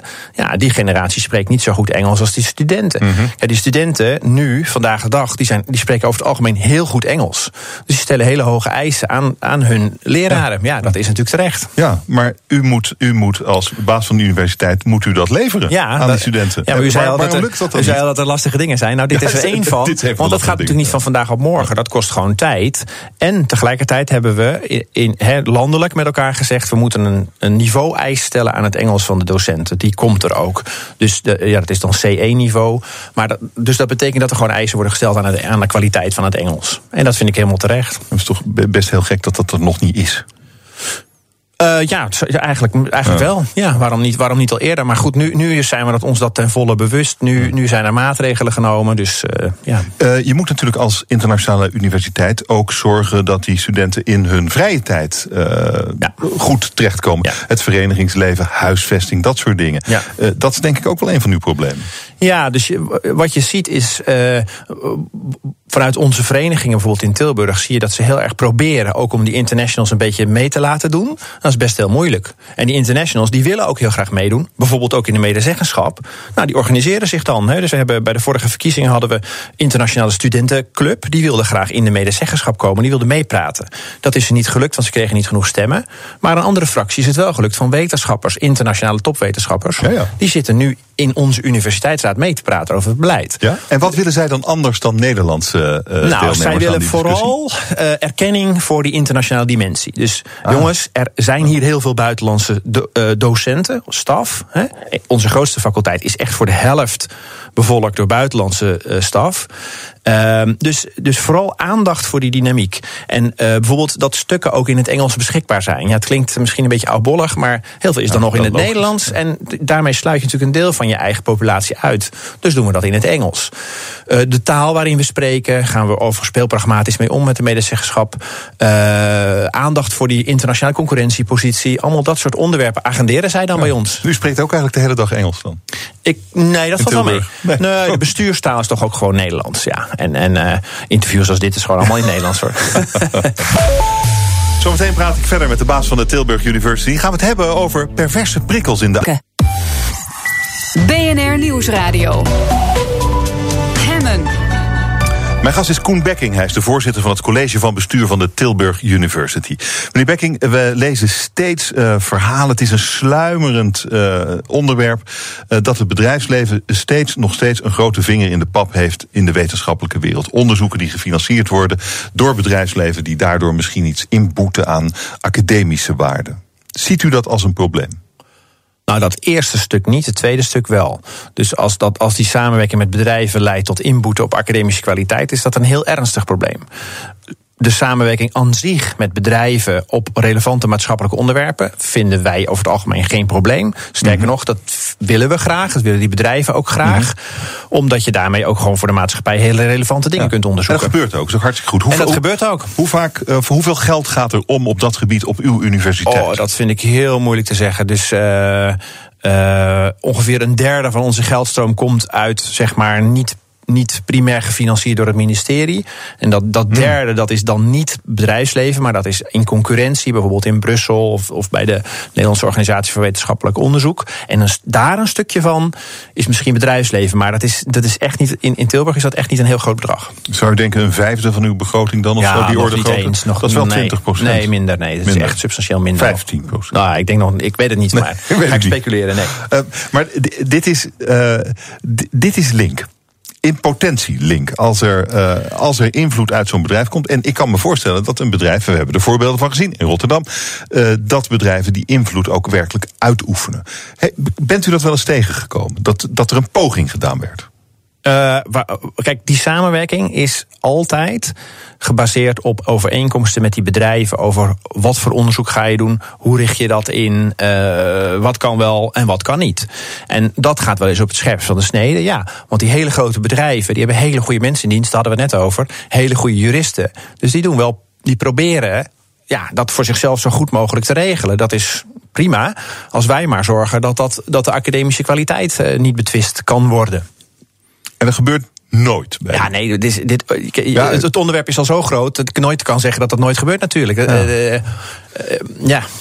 Ja, maar is bloedlink. Impotentie Tenminste, als ik in is niet wat je wil. In- Dus dat is niet wat je wil. Dus alles wat je doet is te zorgen dat dat niet gebeurt. Wat, maar je wilt wel die samenwerking van beide kanten. Dus dat stimuleert de overheid ook erg. Dat wil de samenleving wil ook dat wij relevant zijn voor de samenleving. Dat wij dingen doen waar je wat aan hebt. Ja. Niet alleen maar in die ivoren toren. Vinden wij ook. Dat betekent dat je wel met die samenleving, publieke instellingen, private instellingen, internationale instellingen, moet gaan samenwerken. En, en dat, is, dat is heel interessant, razend leuk. Maar dat geeft ook ingewikkelde vragen, zoals die u nu terecht stelt. Ja. En be- be- bekijkt u eh, zelf, of wordt op het, op het, eh, het hoogste eh, niveau Bij de van- grote contracten gaat dat via het college van bestuur, ja. Ja, ja. Met, dus met de juristen. En dat, is dan, dat moet ook voldoen aan alle codes die we daarvoor hebben. Code wetenschappelijke integriteit en noem het allemaal maar op. Dus daar liggen heel veel bepalingen. Zowel intern als zeg maar landelijk voor de universiteiten. Hm. Ligt heel veel, heel veel eisen liggen daar ook aan. Eh, en wijst u wel eens wat af? Eh, niet in de recente periode. Nee, weet ik niet. Dat kan twee dingen betekenen. Ja, nee, ja. Nee, nee. Een ander, een ander ding is, eh, u heeft net een rechtszaak verloren van een emeritus hoogleraar die eh, promovendi begeleidde. Dat deed hij op verzoek van iemand van uw universiteit. Hij deed het al jaren. En het ging over promovendi die werden betaald door, of, of wiens promotie, als ik het goed zeg, werd betaald door een externe partij. En er, was ook, eh, er waren ook promovendi en die werden betaald door, eh, nou, met intern geld. Nou, daar kreeg hij verschillende tarieven voor. Het schijnt dat hij 25.000 euro kreeg voor het begeleiden van een promovendus die met extern geld gefinancierd werd. Eh, dat is eigenlijk, vond de universiteit, een slechte zaak. U wilde het laatste deel van zijn declaratie niet betalen. Waarom is dit slecht?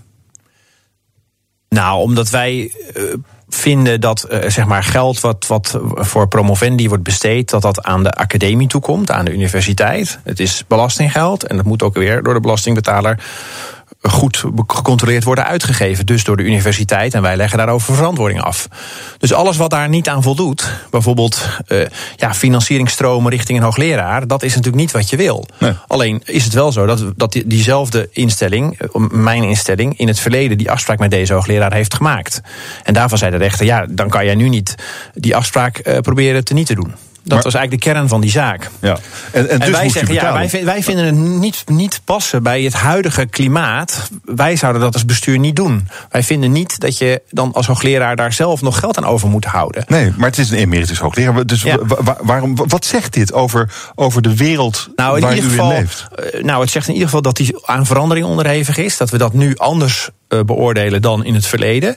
Eh, en dat het ook ingewikkelde materie is. En, en, en ja. dat er ook afspraken zijn gemaakt die wij nu niet zouden maken. Maar Ik, wat is 2012? Was u er toen al? Ja, toch? nee, toen was ik er net. Eh, Net. Nee, toen was ik er nog niet. Ik ben eind 12 begonnen. Oké, nou goed. Maar, nee, maar dit- ik heb die afspraken niet gemaakt en ik zou ze ook niet maken. en, en toch waren ze er. En ze hebben jaren gelopen. En wat ik me ook zat af te vragen is... hoezo financiert een externe partij een promotie? Want daar krijgt die hoogleraar, die krijgt daar 25.000 euro voor in plaats van 12,5. Kijk, Je hebt, Waar- er zijn allerlei varianten op. Je, je hebt ook, ook door, door, door bedrijven bekostigde leerstoelen. Dat is ook zo'n zo'n best wel gevoelig onderwerp. Hè. Je hebt allerlei bijzondere leerstoelen... waar bijvoorbeeld ja, bedrijven eh, die, die dat voor een deel financieren. Ja, dat zijn allemaal dingen die, wij, die, die we in de academie goed en normaal vinden... Maar ja, ze schuren af en toe ook wel, dat herken ik. Nou, niet iedereen vindt ze normaal. Er zijn eh ingezonden brieven in het Brabants Dagblad... eh, die ik heb gelezen van hoogleraren van uw universiteit... die zeggen, ja, dit is de uitverkoop van de wetenschap. Promoveren, is, eh, dat zou niet over geld moeten gaan. Nee, daar ben ik het ook helemaal mee eens. Maar, Maar wat- het is wel is hier- zo. Kijk, wat, het is natuurlijk zo dat de universiteiten krijgen voor buitenpromovendi, waar dat dan over gaat. Hè, dus mensen die niet eh, eh, aan de universiteit werken, maar die van buitenuit willen promoveren. Dat vindt ook iedereen goed en belangrijk. Eh, daar staat een, een vergoeding tegenover vanuit de Rijksoverheid naar die universiteiten. Ehm, ja, en daar kan je natuurlijk twisten over de vraag of dat, of dat een goede prikkel is, of dat die te hoog of te laag is. Hij is door de, door de vorige minister is die prikkel verlaagd.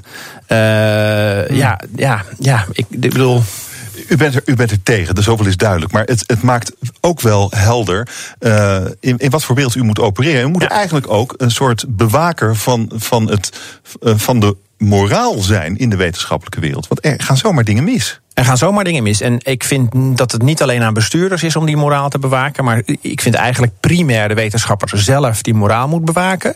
Wij hebben een bepaalde rol in die instelling om dingen mogelijk te maken, te faciliteren, verantwoording af te leggen. Maar primair is natuurlijk de wetenschap uh, die zelf, uh, uh, zelf aan zet is. Dus, dus ik bedoel, academisch onderzoek is onderhevig aan academische normen en waarden. En niet aan die van een bestuurder. En dat moet ook zo zijn. Dus die, die moraalkant, dat is ook het mooie en het, het, het intrigerende van mijn werk. Is dat dat spanningsveld maakt het nou juist zo mooi. Ja. Dus met erkenning van die, die vrijheid en die ruimte die wetenschap heeft toch zorgen dat het ook voldoet aan de normen ja, die wij zeg maar, als samenleving vandaag stellen. En niet aan de normen van 20 jaar geleden. Ja. U bent zelf toch ook wetenschapper? Ja. Psycholoog toch? Nou, ik ben geen, nee, ik ben een politicoloog van Politicoloog origine. van origine. Gepromoveerd op arbeidsverhoudingen. Oh ja. En uh, heeft u, uh, nou, u bent nu de, de, hoogste manager van een universiteit. Zou u naar de wetenschap terug willen? En kan dat? Nou, terug willen. Kijk, ik ben nooit wetenschapper geweest in, in de zin van een klassieke hoogleraar. Ben, ja, zeker. En ik ben bijzonder hoogleraar in, uh, in Zuid-Afrika. Bijvoorbeeld. Ja, ja dus uh, ja, ik, ik vind dit een hele mooie rol. Ik, ik, ik, ben, ik zou niet uh, pure onderzoeker kunnen zijn. Nee, willen zijn ook niet. Nee. U vindt dat snijvlak interessant? Ja, vind ik veel mooier. Dank u wel voor dit gesprek. Koen Bekking. Hij is de voorzitter van het college van bestuur van de Tilburg. 64,1 punten. BNR Nieuwsradio. Hemmen. Roelof Hemmen. Tweede Kamerlid Han ten Broeke van de VVD stapt dus op. De reden is een intieme en ongelijkwaardige relatie met een medewerkster van de fractie. Bespreek het in De kantine. Met vandaag Erik Smit, journalist bij Follow the Money. En Teun Gauthier, hij is voormalig uitgever van de Groene Amsterdammer. En nu zie van de coöperatie. Heren, welkom. Mooi dat jullie er zijn. Ja, dank je. Leuk. Het is even je laatste. Nee, ja, al ene laatste uitzending. Eén na laatste uitzending. Wat een treurnis, is Roelof. ellendig. Het is de laatste keer dat jullie hier. Ja, Ja, inderdaad. Ja, nou, we gaan wel weer wat leuks doen. Daar gaan we hier nog wel meer over vertellen. Maar ja, het is, dit is inderdaad de laatste keer. En ik word er elke dag een stukje verdrietig van. Nou, Oké, goed. Ik wil met jullie praten over Hand en Broeken. Hand en is een, prominent, nemen. prominent, ja, ja, maar laatste dag. Ja. een prominent VVD-Kamerlid, buitenlandwoordvoerder. Uh, en hij gaat nou weg, want hij wordt beschuldigd door een 25-jarige medewerkster, destijds van de VVD-fractie. Die beschuldigt hem van seksueel grensoverschrijdend bedrag. Hij noemt het een ongelijkwaardige relatie. Um, Ja. dan, dan ben je eigenlijk eh, wel, uh, Ben je wel gezien. klaar. Dan is, Ja. het, dan, dan is het afgelopen. Maar wat, wat is nou jouw analyse? Wat is hier aan de hand, denk je, Erik? Nou ja, ik denk wel dat, het, dat zoiets is gebeurd. En het zat ook wel een beetje in de... Het is zeker gebeurd. eh, hij geeft het ook eh, toe. Ja, hij geeft het toe. Dus eh, ja. eh, en eh, kijk, we, we wisten ook wel dat, dat er iets gebeurd was met Hand en Broek. Want waarom werd de man niet eh, benoemd eh, tot eh, minister van Buitenlandse Zaken? Hmm. Hij was veruit de meest geschikte persoon daarvoor binnen de VVD. En, eh, en eerst kwam natuurlijk. Eh, eh, meneer Dacia om de hoek kijken. En vervolgens hebben we nu een xenofoob eh, als buitenlandse, minister van Buitenlandse Zaken. En dan denk je van, goh, we hebben, hebben ze het talent niet ingezet. Mhm. Eh, we wisten natuurlijk dat er ergens iets aan de hand was. Dit dateert Dit lijkt, dit is, 2013. dat lijkt dit te zijn. Ja. Ja. Eh, het is het, dit is het, gewoon het einde van zijn carrière. Ja, het is het einde van zijn carrière. Ik, ik heb ook net ja, het is ook wel heel verdrietig voor iedereen die erbij betrokken is. Dat is ook zo Ja. natuurlijk. Vreselijk. Dus ik zat er nog een beetje over na te denken. Kijk, er is iets gebeurd wat kennelijk niet kan. Want dat meisje heeft, ook, eh, heeft het echt aanhangig gemaakt. Ja, zij noemt het grensoverschrijdend gedrag. Hij zegt ongelijkwaardig. Ja, wat is het dan? Nou, het is ik- een ik- heel ik- vaag vind dat toch- containerbegrip Ik vind in, in Frankrijk hebben een aantal actrices zich toch wat verzet tegen die MeToo-dingen. want, want dit zijn intensieve samenwerkingsrelaties in zo'n fractie. Er wordt heel hard gewerkt, s'avonds laat. En ja, dan kan er natuurlijk een keer iets, iets, iets opbloeien. Ehm, daar is dit meisje ook bij geweest. Hè? Die was 25. Ja, die was ook vrouw. bij. Een vrouw. Dus die, is, dus die is er ook bij geweest. Dus, dus, dus de vraag hoe onoorbaar dit soort dingen nou. Hè? Wat is ja, onoorbaar? de gezagsrelatie waarschijnlijk. Ja, ja. Ik denk, zo ik, noemt, Ten denk ik ook. het. Het is vijf jaar geleden, vind ik lang. En, en, en, en dat MeToo is natuurlijk toch wat, wat jonger. Dus we zijn de laatste jaar, denk ik, nog veel gevoeliger geworden dan we er al voor waren. Dus ik vind ook dat we, eh, dat we, dat we wel iets van relativering moeten inbrengen. Dat we niet. Oh, we eh, kennen de details nog nee, niet. we hè? kennen de Dus details eh, niet, we, we weten nog niet wat, wat hij allemaal uitgesproken heeft. Nee. Maar ik, ik, ik ben het wel met je eens hoor, met deze relativering. Want het klinkt niet Ja. alsof die, eh, eh, laten we zeggen, de dame in kwestie, nou ja, laten we zeggen, maar echt onheus heeft bejegend. eh, of aangehard. Of, hè, laten we zeggen, een soort van handtastelijkheden die echt ja- totaal ongewenst waren. Er is hier wel een relatie, een intieme relatie geweest. Dus, Ja. hè, dus dat hij ongelijkwaardig was, dat kan er vanuit het, eh, die, die functie ja, het eh, Kamerlid maar- en de medewerker. Ja, ja. maar ja, niet ongewenst. Blijkbaar niet. En het speelt in 2000. Overigens had ik zelf ook een keer een, eh, een ongelijkwaardige relatie met Hand en Broeken. in iets, iets ander opzicht. Maar dat, stond, ja, toen stond ik in de kroeg en toen gaf ik hem biertjes. Ja. Ja. En toen? En toen Nou, ben jij geen minister van Buitenlandse Zaken even ongelijkwaardig. Even ongelijkbaar. Ja, die- het is, er zit toch wel iets vervelends inderdaad aan, dat, aan die vaagheid hier. Eh, waar, waardoor eh, Hand en Broeken misschien meer beschadigd wordt dan per se nodig zou zijn. Dat, Ja, dat- want ik zou, ik zou eigenlijk natuurlijk toch hopen dat, dat er een interview met, met deze vrouw ook misschien eens komt. Haar kant van het verhaal zou ik interessant vinden. nou ja, zij, zij, zij vertelt in, eh, in eh, HP De Tijd, eh, doet ze deze beschuldiging Ja, Oké, oké. Nog niet goed- nee, Dat hebben we nog niet Nee, het is al- het is allemaal heel ja, vers. is. Ja, het is het echt een beschuldiging of is het een, ehm, is het een mededeling? Ja, goede vraag. Eh, het, is, het is te vers daarvoor. Want ik, vind, ik vind dus ook, want op zich is, is er ook een ongelijkwaardigheid in een relatie tussen een man in zo'n fractie en, en zo'n jonge vrouw van 25. hè. De- de- de- de- de- de- nou, dat is ook niet altijd onschuldig, als je begrijpt wat ik bedoel. Daar is iets gebeurd, daar is spanning ontstaan. Ik was ooit scorsleraar. Daar heb ik mijn vrouw ontmoet op de scoresbaan. Ja. Dat is ook een ongelijkwaardige Ja, relatie. ongelijkwaardig. Die duurt nu al 33 jaar lang trouwens. Maar eh, we zijn getrouwd, kinderen, noem maar op. Maar wel zo geboren. ja. Ah, jeetje, Zou dat het zijn is als mijn vrouw nu ging vertellen... In, Ja. ik, ik had ooit een ongelijkwaardige relatie met... Maar, Eh, en dan het tenslotte nog even, want, want, want, want dat vind ik toch jammer. Volgens mij was Han de Boek echt, echt gewoon een hele goede politicus, integere man. Ja, Bas, die ja, heel veel, al in de heel veel tijd volgens mij, Ja, ja. nou ja, goed, dat is dan ook zo. en Nou, dus dat is best, weer een verlies, zeker voor de VVD, want daar hebben ze niet zoveel van. Hadden ze niet in 2013 eh, moeten ingrijpen? De, Halbe Zijlstra, de voormalig eh, fractievoorzitter, voormalig minister van Buitenlandse Zaken, wist er destijds van af, blijkt uit die hele berichtgeving. Ja, en Dijkhoff Eh, heeft toen, gezegd- Toen hadden ze al iets kunnen doen. Dijkhoff heeft gezegd, als ik toen fractievoorzitter was geweest, dan, had hij het, dan was hij verdwenen. Eh, heeft Dijkhoff Ah. vanochtend gezegd. Oh, ja. dus, eh, dus inderdaad is er kennelijk binnen de VVD kunnen ook wel iets... eh, Ja, dat had dan wel eerder ja, gekund. dan had hij dat Ja. ook wel eerder kunnen zeggen, Dijkhoff. Dus ze hebben nu zitten wachten blijkbaar tot er een aanleiding was. Tot die, tot, nou, en nu kwam die vrouw naar buiten. Oké, het is wel weer de VVD. Het houdt Ja. nooit op. Nee, het houdt niet op. Het houdt niet op. Nee, zeker. Zeker. Ik, ik, en, en ik vind het toch echt wel heel zorgelijk. Ah, ja. En ook, ook wel fascinerend dat, dat VVD toch heel veel electorale steun blijft houden. Ik dacht ook nog, er is natuurlijk eigenlijk geen alternatief ook. Hè? Je kunt natuurlijk zeggen, waarom blijft iedereen hier nou achter? Ik bedoel, alles wat er gebeurt, dividendbelasting, dat je, ja, moet je achter je, achter je oren gaan krabben. De, de electoraat blijft kennelijk aan de, aan de kant van de VVD staan. En, en dan denk ik, ja, er is eigenlijk geen alternatief. Het is fascinerend. Waar moet je nou heen? Waar moet je heen als je liberaal bent? Ja, waar moet je nou heen als je liberaal bent? Dat ben ik dus. Ja. Ik kan nergens heen. Nee. Ik eigenlijk ook niet. nee. Wat, Nee. wat zullen we doen? Ik weet, ja. Nou, maar dat is een zorg. Hebben we natuurlijk een het zorg, ja. akkefietje met, met Jesse Klaver gehad. Eh, want, want, want Klaver en Pechtold zijn natuurlijk toch twee voormannen van het progressief liberalisme. Eh, wat ik heel zorgwekkend vind. Want ik vind dat daarmee het liberalisme politiek gewoon niet goed vertegenwoordigd Mm. wordt. Als wij, zoals wij hier staan, eigenlijk niet ergens iemand hebben zeggen: ja, daar geloven we in, daar willen we aan meewerken. Dan hebben we een probleem. Dan hebben we kennelijk Mm. geen, niet genoeg goede mensen die ons zouden kunnen vertegenwoordigen. Een eh, mooi verhaal, ander onderwerp van eh, onderzoeksjournalist Alberto Stegeman weer. Eh, die is, heeft naam gemaakt in een bepaald genre. Je gaat proberen binnen te komen waar je niet gewenst bent, waar je eigenlijk niemand gewenst is. En je legt daar, je doet daar bijvoorbeeld, leg je een nepbom neer. Dat heeft hij vandaag gedaan in de kantine van een, van een militaire basis in Oldenbroek. Hij heeft het gewoon weer geflikt. Het is de Ja. derde keer in tien jaar. Ik, wil- ik, ik, Ja, ik vind het wel, ik vind het wel. Ja. goed hoor, dit. Jij? Ja, ik vind het hartstikke goed. Ja. Het is dat hij het keer op keer laat zien wat eh, de gaten zijn. En het is, eh, ja, je zet natuurlijk eh, de instanties in een hemd. Maar het, het, het, het, het zou eigenlijk iets teweeg moeten brengen bij de instantie. In dit geval natuurlijk Defensie, omdat, zodat die, die beveiliging eh, eh, op orde gebracht wordt. Hij, voor het laatst dat hij het gedaan heeft is in 2016, als ik het goed heb begrepen. En nou, ja, we zijn een paar jaar verder. En eh, ja, met de groeten van Alberto. Het is nog steeds niet op orde. en, dus, ja, en hoe hij het doet is natuurlijk ook nog eens grappig. Hè, de, de- die verkleedpartij die bij gaat. Weet je, het is ook ontzettend gênant. Dus ik vind het een hele knappe manier van om eigenlijk dingen in beeld te brengen. En ik vind het ook eigenlijk wel belang, heel belangrijk dat hij het doet. Wat mij verbaast is dat er eigenlijk, eh, maar eh, vol- volgens mij is er nog nooit iemand geweest die echt een bom naar binnen heeft willen. Nou, ik zat dus te denken. Eh, kennelijk kan dit. Nee, nee, nee, nee, nee, dat niet. Nee, maar ik zit er wel eens vaak over te denken. Op zich is plegen natuurlijk hartstikke makkelijk. Dat zie je bijna hier ook. Het is kennelijk te doen. Ja. Maar het gebeurt niet. Nee. Dus, dus kennelijk zijn er of niet heel veel mensen die bezig zijn met aanslagen te plegen. Uh, of er zijn niet zo heel veel slimme mensen uh, die, die, die aanslagen plegen. Die komen niet verder dan met een busje op een paar mensen inrijden. Dat is nou niet. Ja.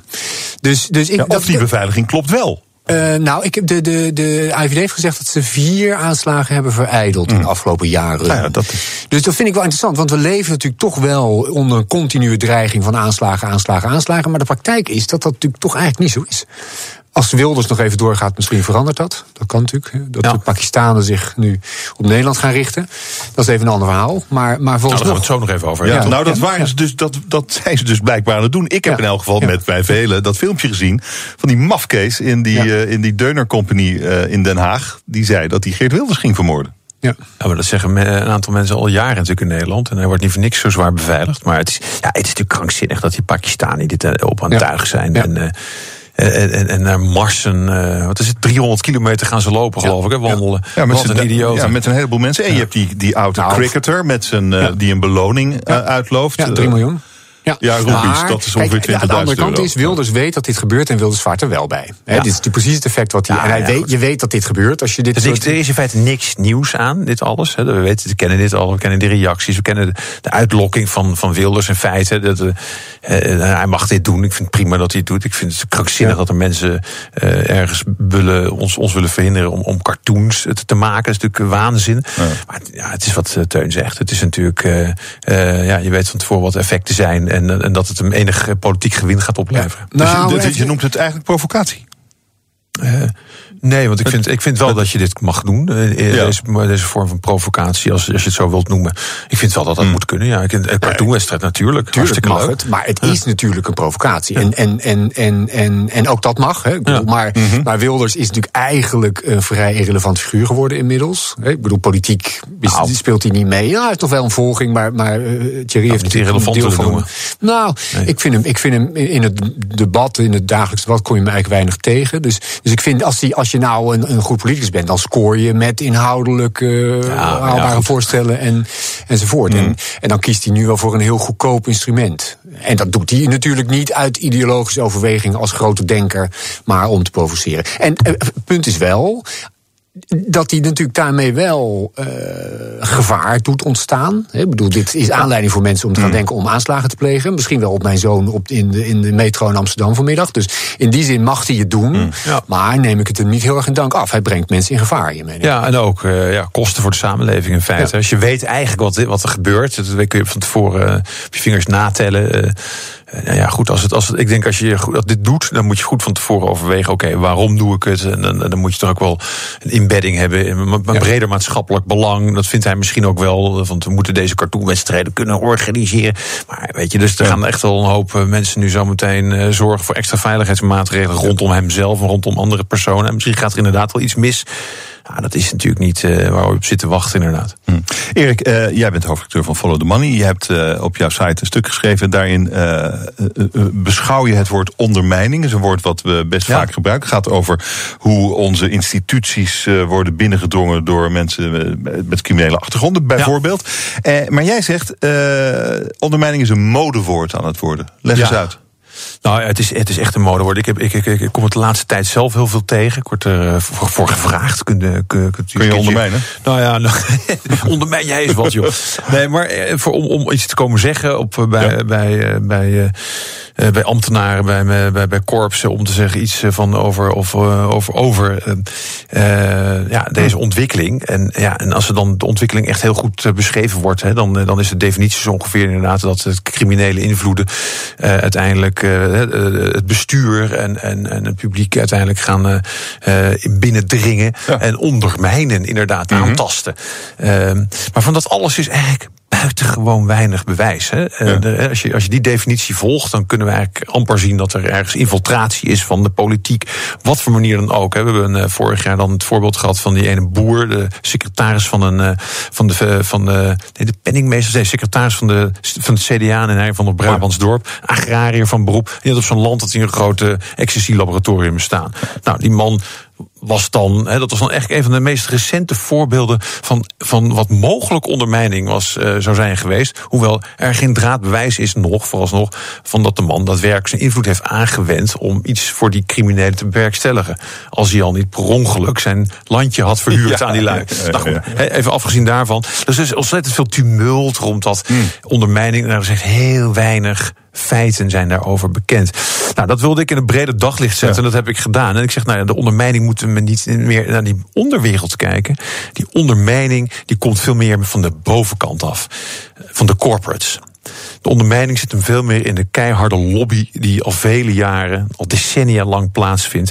En waar we eigenlijk op dit moment natuurlijk in een heel actueel debat natuurlijk eh, over de afschaffing van de dividendbelasting heel nadrukkelijk eh, eh, de gevolgen zien. En een hele kleine partij, eh, laten we zeggen in aantallen mensen, een aantal corporates, hebben directe invloed eh, op ons, eh, op ons, op, op, op, het kabinet, op, op, de, op onze premier en weten eigenlijk be- beleid eh, voor elkaar te krijgen dat niet eens onderdeel is geweest eigenlijk van, eh, Ja, ja. van de verkiezingen en eh, waar eigenlijk op dit moment eh veruit het merendeel van het electoraat tegen is en bovendien waarvan de effecten, en dat is nog het belangrijkste, allerminst zijn bewezen en tegendeel eigenlijk alleen maar uitsluitend negatief zijn. Zij ook afgelopen week zelfs het economisch kant- bureau van de Rabobank. Dus er zijn geen bewijzen voor. Niemand wil het, behalve een heel klein groepje. En dan vraag je je af, als die politiek op die manier beïnvloed wordt door slechts enkele corporates, vindt de ondermijning dan niet op die plek plaats? Interessante gedachte. Ik ben het totaal eens. Ik heb het stuk ook gelezen op Follow the Money gisteren, geloof ik.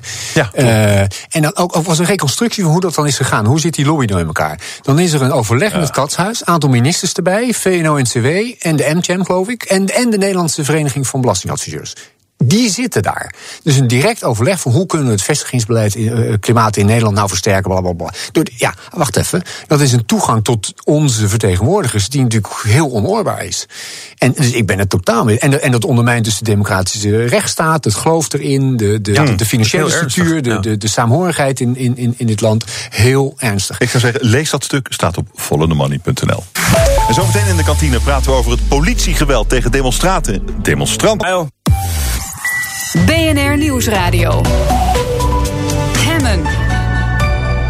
Je luistert naar de kantine, we hebben het over het nieuws van de dag. En dat gaat Jurgen Rijman straks ook doen in Ask Me Anything. Waar gaat het over? Over Google. Google. Ja, we gaan het over Google hebben, ja. Eh, nou, het, eigenlijk begon, gisteren begon het al eh, bij mij te spelen, bij onze spelen. Toen eh, president Trump zo boos was, omdat hij vond dat als je zijn naam googelt, dat je alleen maar slecht nieuws krijgt. Omdat er dan zit een soort van, ja, alsof dat aan Google ligt, maar. Eh, maar het, het gaat echt over de kracht van Google. In hoeverre be- kan Google ons leven bepalen? Ik bedoel, ze weten alles van ons. Het is bijna een soort Skynet aan het worden, als je de film Terminator kent, die echt gewoon de hele wereld een beetje overziet van wat er alles gebeurt. Maar ja, je krijgt dadelijk ook eh, de gecensureerde zoekmachine die Google in China wil beginnen. Ik bedoel, weet je, hoe serieus moet je dat nemen? Ehm, we gaan het hebben over de filterboebel, over het eh, moederbedrijf Alphabet, eh, de advertentiemarkt. Hoe, weet je, en the end of the day, als je op Google advertenties ziet of als je een product zoekt, krijg je eigenlijk degene met het hoogste budget krijg je bovenaan en niet met het beste product. Dus hoe, hoe doen ze daarmee? Wat doen ze met alle informatie die wij verzamelen? Er is zoveel wat er gebeurt daar bij de jongens van Google. Er zijn nog meer zoekmachines, toch? Het zijn nog Er meer, zijn maar ja. Google is, maar Google is eigenlijk overal gewoon dusdanig. Ja, het is ook gewoon een werkwoord al geworden. Ga het even googelen. Dus dat we zeggen dat het toch wel een impact op ons leven heeft. Het, het, zou eh, het is ook een hele goede naam voor een hond. voor een hond, Google. Nou ja. Ja, voor de jachthond wel, ja.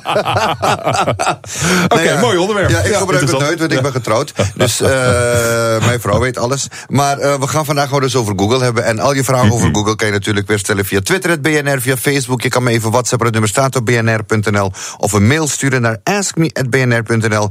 Maar je weet het ook al op je computer. Bellen. Is veel sneller. 020 468 0 En stel je vraag dan live in de uitzending. Over eh, een dikke 10 minuten, Jurgen Rijman. Met Ask Me Anything. Dankjewel. Veel plezier straks. We praten verder in de kantine. Erik Smit is bij me. Hij is hoofdredacteur van Follow the Money. En Teun Gauthier, hij is nu de baas van de coöperatie. Dat is een journalistiek samenwerkingsverband. Eh, Teun, jij, jij werd geraakt door eh, de klappen die demonstranten in Groningen kregen van agenten. Ja. Ja. Wat, wat trof je daarin? Nou, ik, ik zag dat filmpje. Ik dacht, wat krijgen we nou, joh? Daar zitten een paar mensen met een hele, hele, hele rustige demonstratie in die dag. Er zit een- ook een jonge vrouw, die zit daar op de grond. En die krijgen me daar tikken van een agent.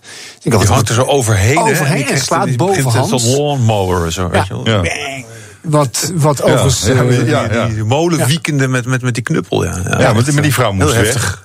Blijkbaar. Ja. Maar Ja. die ging niet weg. Ja, nou ja, er zijn natuurlijk een aantal. Hè. Er, was, er was dan een hek waar ze niet in de buurt mochten komen. Ehm, overigens heeft de politie nu toegegeven dat het een communicatiefout is geweest. Heb je dat gelezen? Ja, dat ze hebben geslagen, ja. Dat had dus helemaal niet gemogen.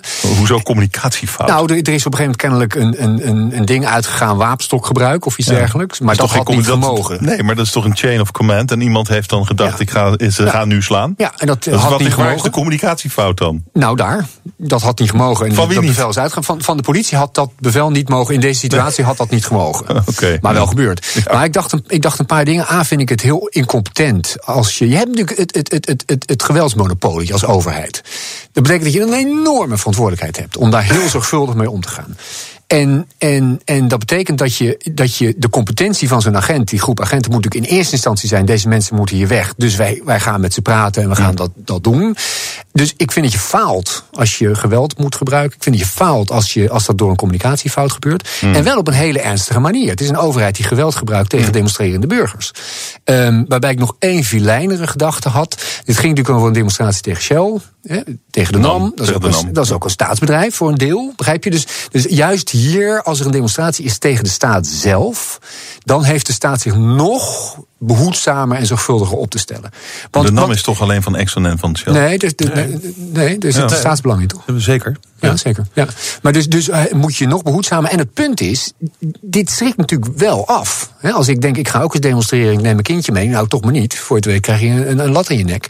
Begrijp je? Dus ik vind het Oh, ook ja. de, de, de democratie ondermijnen. Wij moeten ons hier veilig kunnen voelen als we demonstreren. Ja, ja. En, Nou ja, maar wacht even. Het- het- ik, ik ben het wel met je eens, eh, Teun. Want ik, eh, ik, de staat heeft hier natuurlijk, moet hier buitengewoon prudent mee omgaan. Maar aan de andere kant, ik heb die tikken, die tikken gezien. Het, het zag er ongelooflijk agressief uit. En er is één zo'n ja, eh hittepetit bij de politie die eh, zich even eh, eh, helemaal laat gaan. Eh, maar eh, er zijn geen zware gewonden. Er zijn, eh, er zijn een paar oppervlakkige eh, verwondingen zijn er. Weet je, het is, het, is, het is zo ernstig is het ook weer niet. Ik vind, je, laten we niet meteen dit helemaal opblazen van jongens. De eh, demonstranten politie- hadden ook gewoon eh, weg kunnen gaan toen de politie het vroeg. ja, dat kan ook. En, eh, en, en dat is niet gebeurd. Dat snap Hmm. ik ook wel weer. Dan een beetje demonstratie moet wel een beetje spanning ontstaan. Hè? Maar dan is dit, weet je, dit is, als je die grenzen opzoekt, dan kan dit gebeuren. En Hmm. het is het is all in the game. En laten we nou niet, een beetje, niet zo gaar doen. Ook, jij bent ook een oude protestant, een protestant, iemand die graag eh, iets, iets. Weet je, dan betekent als je, als je er in in de beuk in gooit, van, van beide kanten moet begrijpen, dat wel eens een keertje een klap kan vallen. Hè? Dus niet overzeuren. Het is gebeurd. Jammer, treurig. Ja, ik, ik, Ja. ik, ben, ik, ben dat, ik ben dat helemaal niet eens. En ik zie ook wel een. Wat, wat ik veel zie, is dat de, dat de politie in optreden is. Hè. Ook eh, de demonstratie, een Zwarte Piet demonstratie, waar mensen gearresteerd zijn. Waar later wordt gezegd: Goh, sorry. Bij de Kroning, hè, waar zijn actievoerders weggevoerd. eh, Oh, sorry. Ja. Nee, nee, nee, nee, nee, niet oh, sorry. Dat is een diep, diep fundamenteel recht. En wat, ik, wat me dan opvalt, is dat zo'n politie. Want ja, sorry. Nee, nee, nee. Ik vind dat dit consequenties moet hebben. Meen ik serieus. Er is een fout gemaakt door iemand. Een, een, een, een, indringende fout, vind ik. Die, die het demonstratierecht aantast. En nou, wat anders.